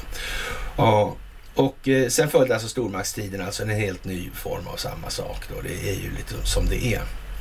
Och eh, vi, vi slår ett slag för också det här med Danmark igen då. Att de har ju alltid varit lite obstinata i de här sammanhangen. Och, och det är ju lite festligt faktiskt. Och, och eh, ja, men så bestämde man sig någonstans där på 1800-talet och noga räknat eh, strax före 1864. Och, och ja, nu, fick man fan, nu fick det fan vara slut med de här jävla... Eh, ja, det var ju mycket väsen för ingenting alltså när man rakade grisen alltså. Ja det var ju det. Det var ju baconen liksom. Det var, ja men ungefär alltså. Det är lite sådär. Öl och bacon och sådär. Och, och, det var inte fel heller på det viset. För ja. Men som sagt den här jävla göken Ditlev Gotthard Monrad alltså. Det verkar ju ha varit ett särdeles ekipage alltså. Ja, konstigt det där alltså. Men han var ju Guds man också. Mm, Herrens man. Mm. Han tyckte nog att Jesus var bäste man på plan helt enkelt. Mm. Leon X han sa vi har haft stor nytta av den här myten om Jesus. Jaha, sa han det. Ja, han var påve. Ja, ja, som sagt. Ja, det är som det är. Det är som det är. Men eh, ja, ja, ja, ja, ja, ja, ja. Mm. Och, och, då kommer ju naturligtvis eh, där Hansan mäktiga penningutlånare för att kunna driva dessa ständiga krig. Sådana månglare styr fortfarande. Ja, ja. Men eh, vill man säga någonting här nu eller? Ja. Mm. Man ska akta sig för att blanda in saker som inte har med saker att göra i det här. Faktiskt. Och det är som sagt inte religiöst alltså. Och som sagt, det är tider för oss nu att fundera på hur länge de här krafterna som motverkar den djupa staten har planerat verksamheten strategiskt. Och då måste man, man liksom tänka på att den som har längst planeringshorisont, djupast planeringshorisont, faktiskt alltid kommer att vinna. Han har ju alltid sett, den parten har ju alltid sett ett par drag. Ett eller ett par drag längre bort alltså. Än den med kortare horisont. Eller mindre djup horisont ska jag säga. Ja, och eh, då undrar man ju då om eh, djupet och då behöver man ekolod om man ska titta efter djupet. Och eh, ja, vad ska man säga? Bill Barr, han säger i alla fall så här. Han kan inte ens börja att förklara varför, eh, ja, det här med 9-11 alltså och, och, ja, den här maskburken alltså. Och ingenting av det där ska, ska liksom klarläggas just då när han säger det här. Och det, det är en fråga om nationell säkerhetskaraktär säger han och, och, och lita på med, eh, ja, det skulle bli problem om vi gjorde det. Och, men vad är det han egentligen säger där? Problemet med det han säger är det är alldeles sant. Problemet med det han säger är också att inte särskilt många människor förstår varför det är sant. De flesta människor upplever nämligen att de har bäst bild av sin egen verklighet. Mm. Och det kan ju mycket väl vara så. Men eh, verkligheten är nu en gång gemensam. Den är inte enskild. Det är enskilda beskrivningen av verkligheten. Det är individens sanning. Men då kan man säga så här att Bill Barr, han har ju kanske ett eh, något vidare perspektiv i det här. Han är högre upp alltså. Mm. Det är ju så. Han har bättre utsikt och når större insikt i det här. Det är kanske ingen idé att gripa de här. Haffa, haffa. Mm. Jag menar, vi tar, vi tar eh, Clinton, vi tar Obama, vi tar det, det, det, det så här. Okej. Okay. Ja, och sen då? Så låter vi Comey och Brennan och det här gänget vara. Eller hur? Ja, det verkar jävligt lyckat. Bara ett exempel så. Ja, ni förstår själva principen alltså. Det är ju... Ja. Ja, det är speciellt alltså. Typ. Ja, och lista på krigsfartygen som nu ligger på redden på, i Stockholmström, eller på Stockholmström där. Och det låg gamla kryssarbojor en gång i tiden. De var ju riktigt rejäla faktiskt måste man säga. Men nu får hon ligga för ankar istället där. Och, och ja, det här är en mycket speciell situation skulle jag vilja säga. Och det börjar lite likna kärlek banne mig här nu. Alltså den här gammal svensk toppsitt alltså. Mm. Ja, som sagt. Eh, och man väljer då att i ny teknik skriva då lista krigsfartygen som lägger till i Stockholm. Det är liksom inte örlogsfartyg längre eller en örlogsman utan nej, det är det inte utan det är krigsskepp. Det är ju konstigt lite grann faktiskt. Mm. Och det brinner och det ja, så att säga brandkaos i Trollhättan i natt och flera hus och bilar i lågor. Och eh, det, ja, det verkar vara gängkriminalitet säger man då i tidningarna och sådär. Och I tider av det här slaget så kan man väl säga att gängkriminalitet har ju omnämnts av andra också. Till exempel Recep Tayyip Erdogan, ni minns den här bilden med jordgloben och de här fyra figurerna alltså. Ja, som samarbetar och koordinerar det här på något vis. Han sa så här va, angående Sveriges NATO-ansökan. Att eller lite så här, förlåt, att han, det sa han i tal 2007. Alltså, så sa han så här att det... ja, de här eh, gängkriminella alltså. Och, och då kallar han alltså de, den institutionaliserade korruptionen för någonting som var gängkriminalitet. Mm. Konstigt alltså, det går igen på något vis det där. Jag vet inte.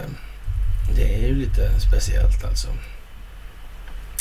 Och eh, det här är den djupa statens ja, do or die moment. Alltså de måste göra någonting. Det går åt helvete med valet. Det går åt helvete med pandemierna. Det går åt helvete med krigen. Det går åt helvete med det valutafinansiella systemet. Det går åt helvete i Faunan eller på bankbrosan här. Det, folk börjar fatta vad är det jävla inflation? Vad är det för jävla konstigt skitsnack alltså? Det där håller ju inte ihop någonstans alltså. Jävla dårpippi. Och återigen, det är jävligt viktigt nu alltså. Med en fas alltså, jävligt viktigt.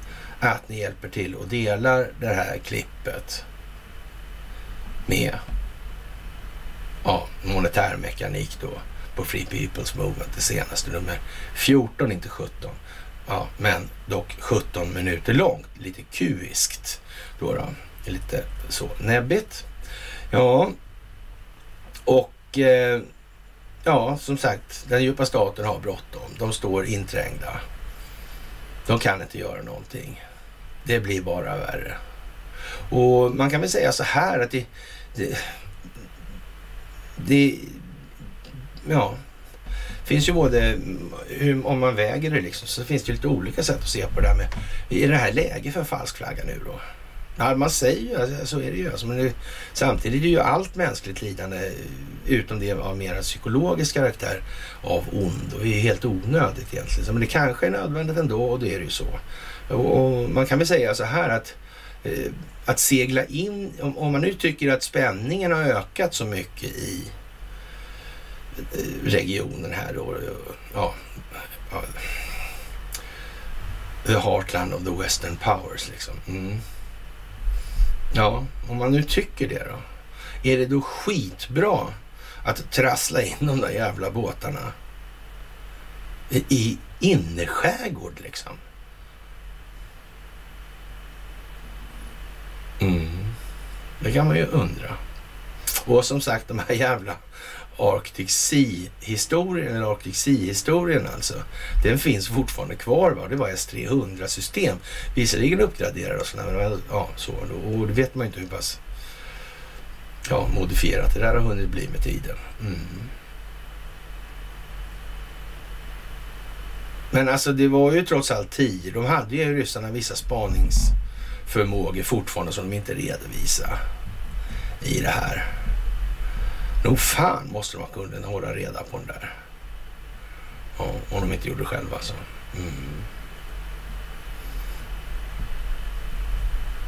Ja, det var som det var. Mm. Eller lät det ske, som man så vackert säger. Kan det varit så? Ja, om man höll på sådär 2012 i USA. Mm. Men då måste man ha haft folk på insidan. Mm. Ja, ja, det var ju lite speciellt faktiskt, får man ju säga. Jaha, och eh, det här med, med, nyheter och man ska liksom censurera och man ska övervaka och kontrollera och ja, ni, ni förstår ju själva att det här håller ju på att bli löjligt som fan alltså. Och som sagt, CIA satte väl ändå system att tortera fram svar som upprätthåller det narrativ som CIA ville styrka skulle ju aldrig hända. Och ja, precis alltså. Och nu ska vi inte vara, oh, svara Peter Eriksson här eh, på ett fult göteborgskt sätt. Han kommer väl inte från Göteborg? Alltså, Conny innebär en viss skada för människors psykologiska tillstånd mellan varven. Måste säga. Nu ska vi inte vara ogina. Man vet inte vad folk hasplar ur sig. Det var väl ändå Göteborgs så det räckte och blev över. Ja, hej Conny. Ja, precis. Eh, nästa helg kommer vi att spela in lite olika eh, små gig här alltså. Eller åka upp till Indien och spela in små eh, jigg och sådär. Och det kan bli lite intressant. Vi ska försöka röra lite på oss i olika sammanhang här. Sådär lite historiska exposéer kanske till och med. Ja, ja. Det är ju som det är med det här nu och det är trevligt som fan alltså med inte med Göteborgs humor, men med det mesta annat faktiskt i tillvaron tycker jag eh, är fantastiskt just nu alltså. Och ja, Ska man eh, rösta eller inte rösta? Ja, vi har väl ingen stor anledning att rösta eftersom vi inte har börjat med diskussionen ens om det förekommer valfusk i det här. Det, det kommer säkert kunna visa sig att, att eh, svenska intressen finns inblandade i det amerikanska presidentvalet 2020. Det, det, är ingen diskussion om att det kommer, bli, det kommer att bli så. Och, och i en eller annan omfattning och sådär. Och, och, då kan man ju faktiskt eh, Eh, ställa sig frågan, är det verkligen helt orimligt att man har skött det här på ett sätt som inte befolkningen känner till på hemmaplan? Skulle det kunna vara så? Eller rättare sagt, skulle det eh, kunna vara på något annat sätt än så? Om man nu väljer att göra det i USA. Sådär. Ja, jag vet inte. Men de här globala intressena, har de sånt inflytande egentligen? Påverkar de någonting? Kan de styra någonting? Nej, det är ju Israel som styr allting, det vet vi ju. Hur var det med den här bilden då som figurerade nu i något nytt klipp på Bitchup eller vad det är? Sådär. Ja. Han var på Barack Obama, han hälsat på artigt på Jacob Wallenberg. Han glömde Jacob Wallenberg-kippan eller skiter han i det? Man inte sånt där eller? Nej, det kanske är så. Ja, ja, ja. Men Obama hade kippan, men inte Wallenberg. Nej, okej. Okay. Ja, ja, men så.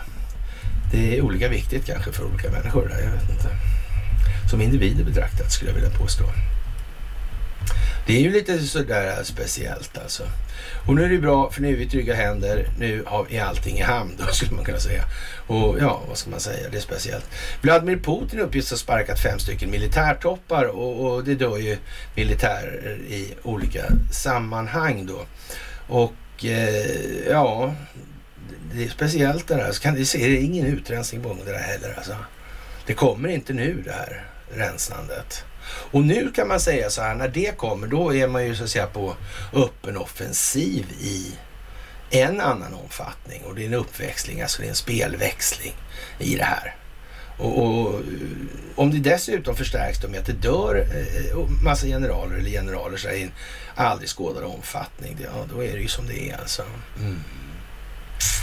Ja, jag vet inte. Måste man rensa det också? Fanns den djupa staten eller finns den djupa staten fortfarande i Ryssland? Ja, den finns där, helt säkert. Det här sanerar man inte på fem minuter. Och de värsta jävlarna sitter liksom inte ja, längst ut i periferin. Alltså det är alltid så. Mm. Ju mer centralt man har lyckats infiltrera och korrumpera desto bättre blir det ju naturligtvis. Ja, det är som Faisaldomstolen fungerar åt båda håll där. Ja, ja. Jaha, advokat varnas, skriver intyg om full sysselsättning trots permittering och nu kommer ju det här med anseendeförändringen, den allmänna anseendeförändringen för advokatyren alltså. Och, det här kommer bli ett riktigt jävla elände för den gruppen yrkesutövare alltså. Det, ja, som sagt som Donald Trump sa, Eh, det finns ingen advokat som kan motstå berömmelse och rikedom alltså bekräftelse grundad på bristande självkänsla. Ja, rikedom grundad på girighet. Alltså, det måste ju verkligen vara de främsta härförarna för själslig moralisk resning. Eller inte så kanske. Nej. Ja, ja det blir vad det blir helt enkelt och det är helt uppenbart nu skulle jag vilja säga.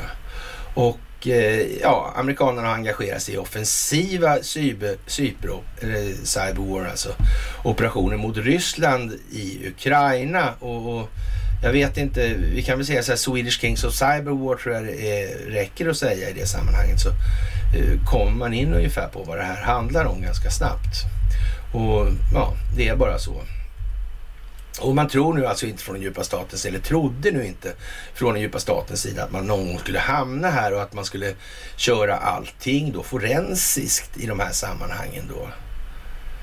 Ja, och inte bara statistiskt då, utan nu har man ju då ja, mobildata och geografiskt och, och kommunikationsmässigt. Vad har en telefon rört sig i förhållande till en annan som de har haft kontakt med och och så vidare och så vidare och så vidare. vidare liksom. Mm.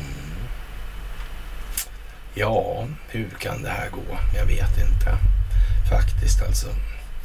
Och eh, ja, blir det regeringskris, blir det inget val och ändras lagen så blir det lite likadant och det, det blir liksom bara eh, dåligt allting nu för, för den svenska djupa staten. Och det är ju jättetråkigt och vi fäller en tår, eller som Lille Skutt, så här liksom. Ja. Så. Och eh, ja, vi får väl hoppas i alla fall att det blir lite eh, lättare när då Rysslands oemotståndliga materbjudande till Turkiet har eh, ja, slagit då rätt, kommer att slå rätt hårt mot Sverige och Finlands NATO-ansökningar i det här. Mm, och då är vi ju så att säga ett steg på väg bort från det här uh, cornucopia-alternativet, alltså någon skrämma skiten ur befolkningen. Sådär. Mm. Men det kan man ju tänka på nu alltså. Det är ju naturligtvis, det kan bli lite olika. Det kommer bli likadant på slutet alltså, men vägen dit kan fortfarande ta lite olika vägar. Det är inte säkert att det behöver ta vägen över en direkt öppen militär intervention bara för ingen kan protestera mot det nu längre. Det är inte säkert och det handlar inte om att göra det här så fort som möjligt. Det här handlar om att göra det här så bra och smidigt som möjligt och sett till den högsta verkningsgraden på insatsen i det här. Mm, det är viktigt nu att komma ihåg. Ja, och eh, vad ska man säga, Iran, Irans huvudstad Teheran har fått sitt datasystem hackat och vi säger Swedish Kings of Cyberwar fast nu är det kontrollerat i den meningen och det här sker ändå för att teatern ska hållas vid liv alltså. Och misstroendet alltså väckt mot justitieminister Morgans, jo, Morgan Johansson och Magdalena blev ju jätteaggressiv helt enkelt. Och eh, han gick ut och firade lite med advokaterna här och jag vet inte hur man ska eh, se på det här riktigt. Mm. Jag har flaggat lite för att Jag är inte säker på att jag tror att Morgan kanske är så jävla genomrutten så han har ansträngt sig så hårt för att framstå helt enkelt. Alltså. Det, det, det, man får ju nära, nära nog det här liksom den gamla eh, innan tjänstemannaansvaret. Det oskickligt beteende. Alltså. Det, fanns ju, det kunde ju bli påföljder för det alltså. Ja, oskickligt beteende. Mm. Och jag är inte säker på att han, han hade gått helt klart från Eh, och drabbas av, av det. Påföljden av det om, om det hade varit samma. Då hade vi kanske inte kom, hamnat i den här situationen, men rent hypotetiskt. Alltså. Mm. Ja, ja, det är ju lite eh, speciellt och inte lika kul att vara känd för, eller när människor inser att det man har varit känd för är en lögn alltså. Och ja, vad ska jag säga? För övrigt kanske årets rubriksättning Greta Thunberg och miljökonferensen. Man tror det är ett skämt alltså. Och, och det börjar ju likna ett bisarrt skämt. Allt det här med Greta Thunberg nu, det, det är kanske ett av de mest pinsamma jipporna. Och retrospektivt kommer det att bli, ja, jag vet inte hur det där kommer att... Men hon, hon går nog loss för det här, för det är som sagt, som hon själv säger, det är ett skämt. Det är inget annat, det är bisarrt skämt. Och det är beklagansvärt att folk inte ser det för något annat än det heller.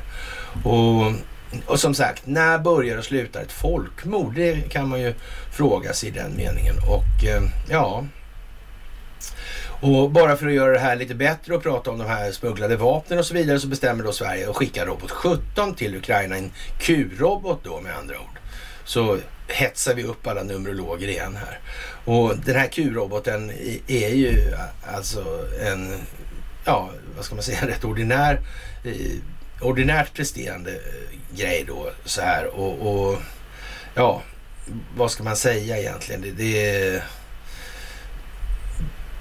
pinsamt är väl en grej man kan säga. och, och ja, som sagt, det blir, det blir vad det blir. Liksom I grunden är Robot 70 den amerikanska Hellfire AGM 114C. Och eh, den har varit, visat sig vara effektiv i strid då ungefär när Kuster slogs mot, eh, ja, Sitting Bull och de här. Då var den någon modern då kanske. Men nästan i alla fall. Ja, och sen har den modifierats då för, för ja, och den svenska industrin för att passa svenska förhållanden har fått namnet Robot 17 då. Och ja, hej och hå, den styrs av laserstråle man pekar målbelysning och sådana grejer. Så, där, så det, det är ju, ja, vad ska jag säga? Tack, tänk om de snor sådana där och lägger sig i skärgården och skjuter på alla fartygen som är här inne just nu då. Bla, bla, bla och så vidare. Det finns ju hundra olika eh, anledningen till att den här situationen som vi befinner oss i just nu inte är eh, att ta på så stort allvar helt enkelt. Det blir bara så dumt allting. Det är ju så. Jaha, och Karl-Petter Thorwaldsson tycker trots flygkaoset att regeringen har fortsatt förtroende för Swedavia. Och, och, som sagt, vi har ju pratat om det där en del alltså. Det är klart att det är bra med Kina här nu. Och, och som sagt, däremot så en fråga som jag är lite intresserad av att ni ska ta tag i, det är det här, hur har de tänkt att få in den kinesiska representationen i Calcutta liksom? Det kan inte vara Kina-krogarna i alla fall. Det, även om det finns några stycken och rätt stora. Men alltså det, det, det är inte det. Alltså det måste ju vara något annat i det här. Och skogsbolagen vet jag inte riktigt om jag tror på. Nej, mm, jag vet inte. Men det kan ju vara en IT-centrum-grej alltså med Huawei då. Absolut alltså. Vad säger, det, det kan det absolut vara alltså. Och, och de kanske vill bygga ut den här, vad heter det, Midlanda va? Jag vet inte. Fast den är ju byggd så konstigt så det liknar ju ingenting mitt i ett träsk liksom. Hur tänkte de där då? Det är jag inte säker på alltså. Mitt i det där deltat liksom. Och, och, skulle man avreglera och ha så, jag vet inte, det där, jag tycker det verkar alldeles lyckat helt igenom alltså. Det är inte, jag är inte sådär helt säker på att det där är bra alltså. Och eh, städer utan vatten efter läcka då. då. Och eh, var inte på tal om avregleringarna så alltså, men Nyköping och Oxelösund blev utan vatten här och ja det hemskheterna tornar upp sig alltså. Och eh, 190 polisanmälningar om folkbokföringsbrott efter kontroll i dagens juridik och, och det här med folkbokföring och så vidare. Det är ju det är vanligt att man kritiserar det, men det finns ju ett problem med allt det här hela tiden. De här numren. Hur förhåller sig det här till röstlängderna egentligen och vem kontrollerar det? För det kan man ju säga, att hela den svenska demokratin står ju och faller med den saken. Om inte annat. Utöver de numera uppvisade 2 147 638 olika sätten som de har fuskat på i USA. Ja, ungefär, eller vad det kan vara. Ja, sådär. Ja, jag vet inte. Röstlängderna är ju vad de är helt enkelt. Och som sagt, eh, oljepriset går ner och bensinen går upp. Och, och folk tycker att det är i sin eh, ordning helt enkelt.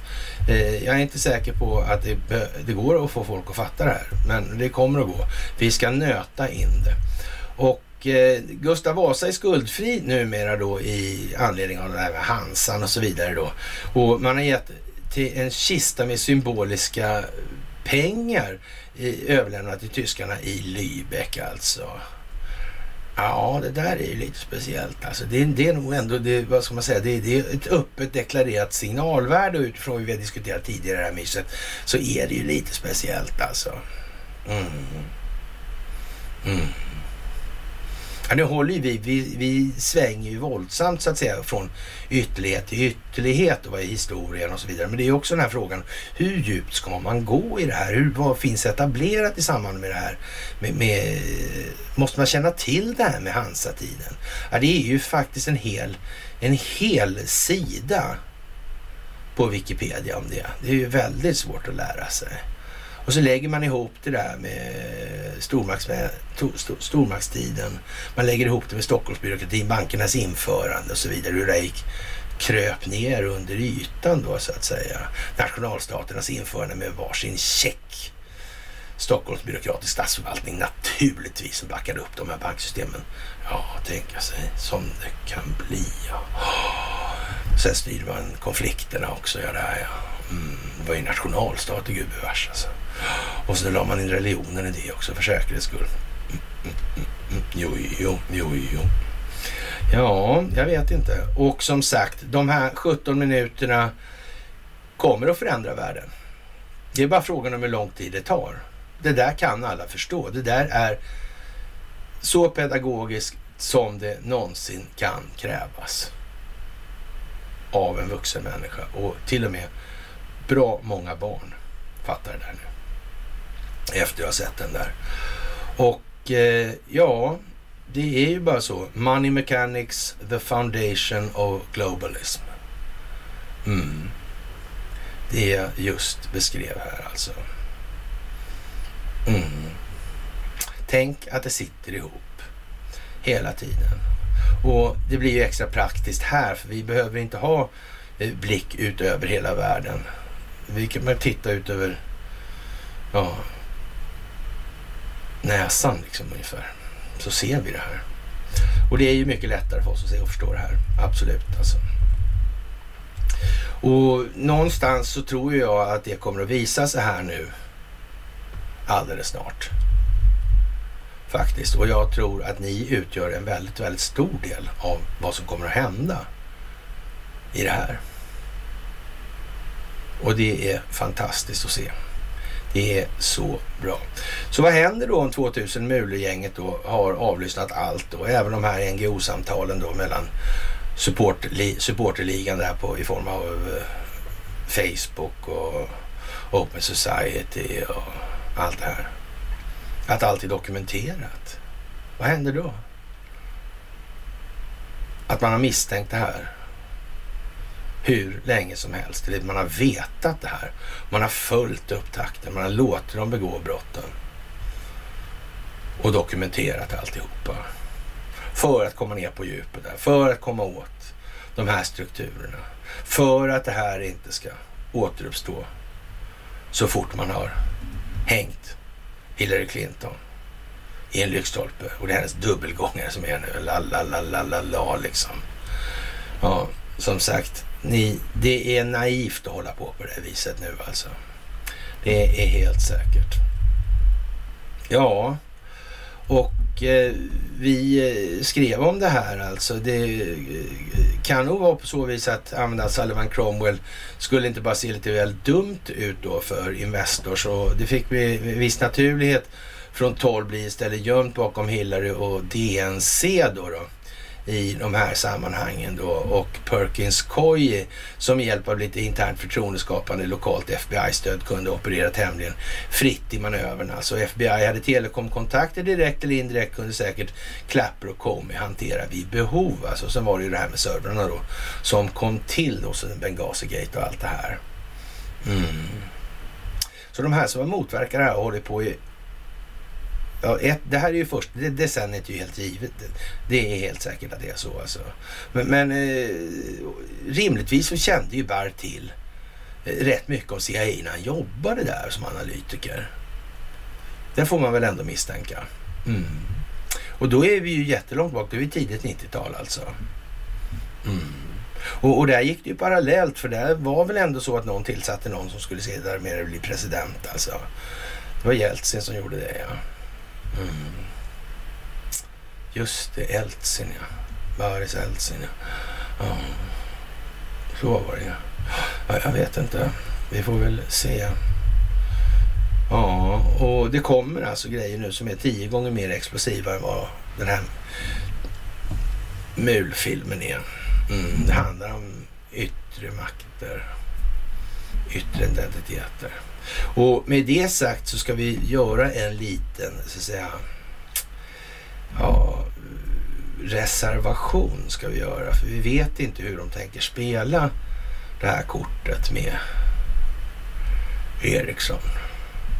Det finns ju liksom inget självändamål i så att säga att massakrera de fysiska individerna till oigenkännlighet. Alltså det, det, det, tror jag inte är någon bra grej. Alltså. Däremot så ser alla vad som händer med strukturerna med SAS och med Norwegian och med allt som har med Skandinavien att göra och Volvo och det är Ericsson och det är Atlas Copco, det är ABB och så vidare och så vidare och så vidare och de dolda kopplingarna i olika sammanhang. Mm. Det ser alla. Ja. ja, ja, vi får väl tänka på det helt enkelt. Och som sagt, eh, ja, det kom, kommer en eh, tid nu som verkligen blir eh, speciell alltså. Det får man nog säga. Vi kommer att minnas den här som ingenting annat helt enkelt. Och eh, Stefan Ingves säger då att alla behöver vänja sig vid stigande räntor och jag vet inte vad man ska säga i, i det sammanhanget. Och, eh, mång, många är ju liksom mycket inne på det här med ja, blindspåren då om man säger sådär. Och det, är bättre att titta från en högre punkt hela tiden. Att försöka se sig om i omgivningen efter saker som mm, det är fakta i målet om vi säger som så istället. För att bara sväva så mycket. Och tio generaler tros ha dödats då. Ja, ryska generaler dör alltså, ja, helt otroligt alltså. Det är 48 ryska överstar och, och, man tror det var 10 och, då, och det kan vara ännu mer alltså. Och ja, det är ju jättemärkligt, är det inte det? Det har aldrig hänt något sånt där konstigt. Kan det vara så att man, man så att säga från rysk sida väljer att sanera lite här nu? Kan det funnits mutbar? Hur länge kan man hålla på med de här som mm, förrädare sa Putin någonting om. Han gillar inte sådana va? Nej, det sa han något om. Det där är konstigt. Mm. Kan det vara så att den här Gushin, han, och fanns det inte en sån där politruk-officer där också? Det var ju, man hade till och med det för att kontrollera. Varför hade de det för? Varför de litade på fartygschefen? Det var ju inte det. Det var ju liksom lätt att muta honom. Mm. Men det här med ubåt, liksom en politruckgubbe som man inte kan hålla. Det går inte att se vad man kör då. Så det är jättebra. Och kör man i övervattensläge så är det ju knappast någon som misstänker att man ombord i alla fall, som misstänker att man är. Nej, det är klart det. Hur var det där med U137 egentligen? Ja, det blev ju mycket ubåtsbudget för det. Det var det ju. Det var bra. Det var en riktig budgetubåt som man sa sen. Mm, riktig budgetubåt. Det var inte den enda budgetubåten som dök upp heller i och för sig. Ja, det där kommer upp också. Det är inte bara Estonia som kommer upp till ytan. Nej, det är inte det. Det är det ju inte faktiskt. Nej. Ukraina lovar ju inte att använda vapenstödet mot eh, mål på rysk mark. Alltså. Så, men det är ju oklart att Krim är ju inte rysk mark, anser Ukraina. Så det, jag vill bara skjuta på då. då. Ja, jag vet inte. Jag vet inte. Jo, det gör jag. Och det vet ni också. Och ni ska ha det största av tack för allt ni gör i det här. En helt otrolig tillställning vi får uppleva nu. Jag är så glad för det och jag hoppas ni också är glada. Och jag hoppas också att ni får en jättetrevlig helg. Och återigen, tack för allt ni gör. Och tack för gåvor på Swish och Patreon. Tack för att ni fördjupar er. Tack för att ni följer Karl Norberg.se och Telegramtjänsten alltså. Och så det här med Free People's Movement. Och sen blir det som sagt lite visdomsträdsanknytning under kommande vecka i det här vad det lider. Med det önskar jag härskapet en fantastisk och vilsamt och trevlig och nöjsam helg så hörs vi senast på måndag. Trevlig helg på er.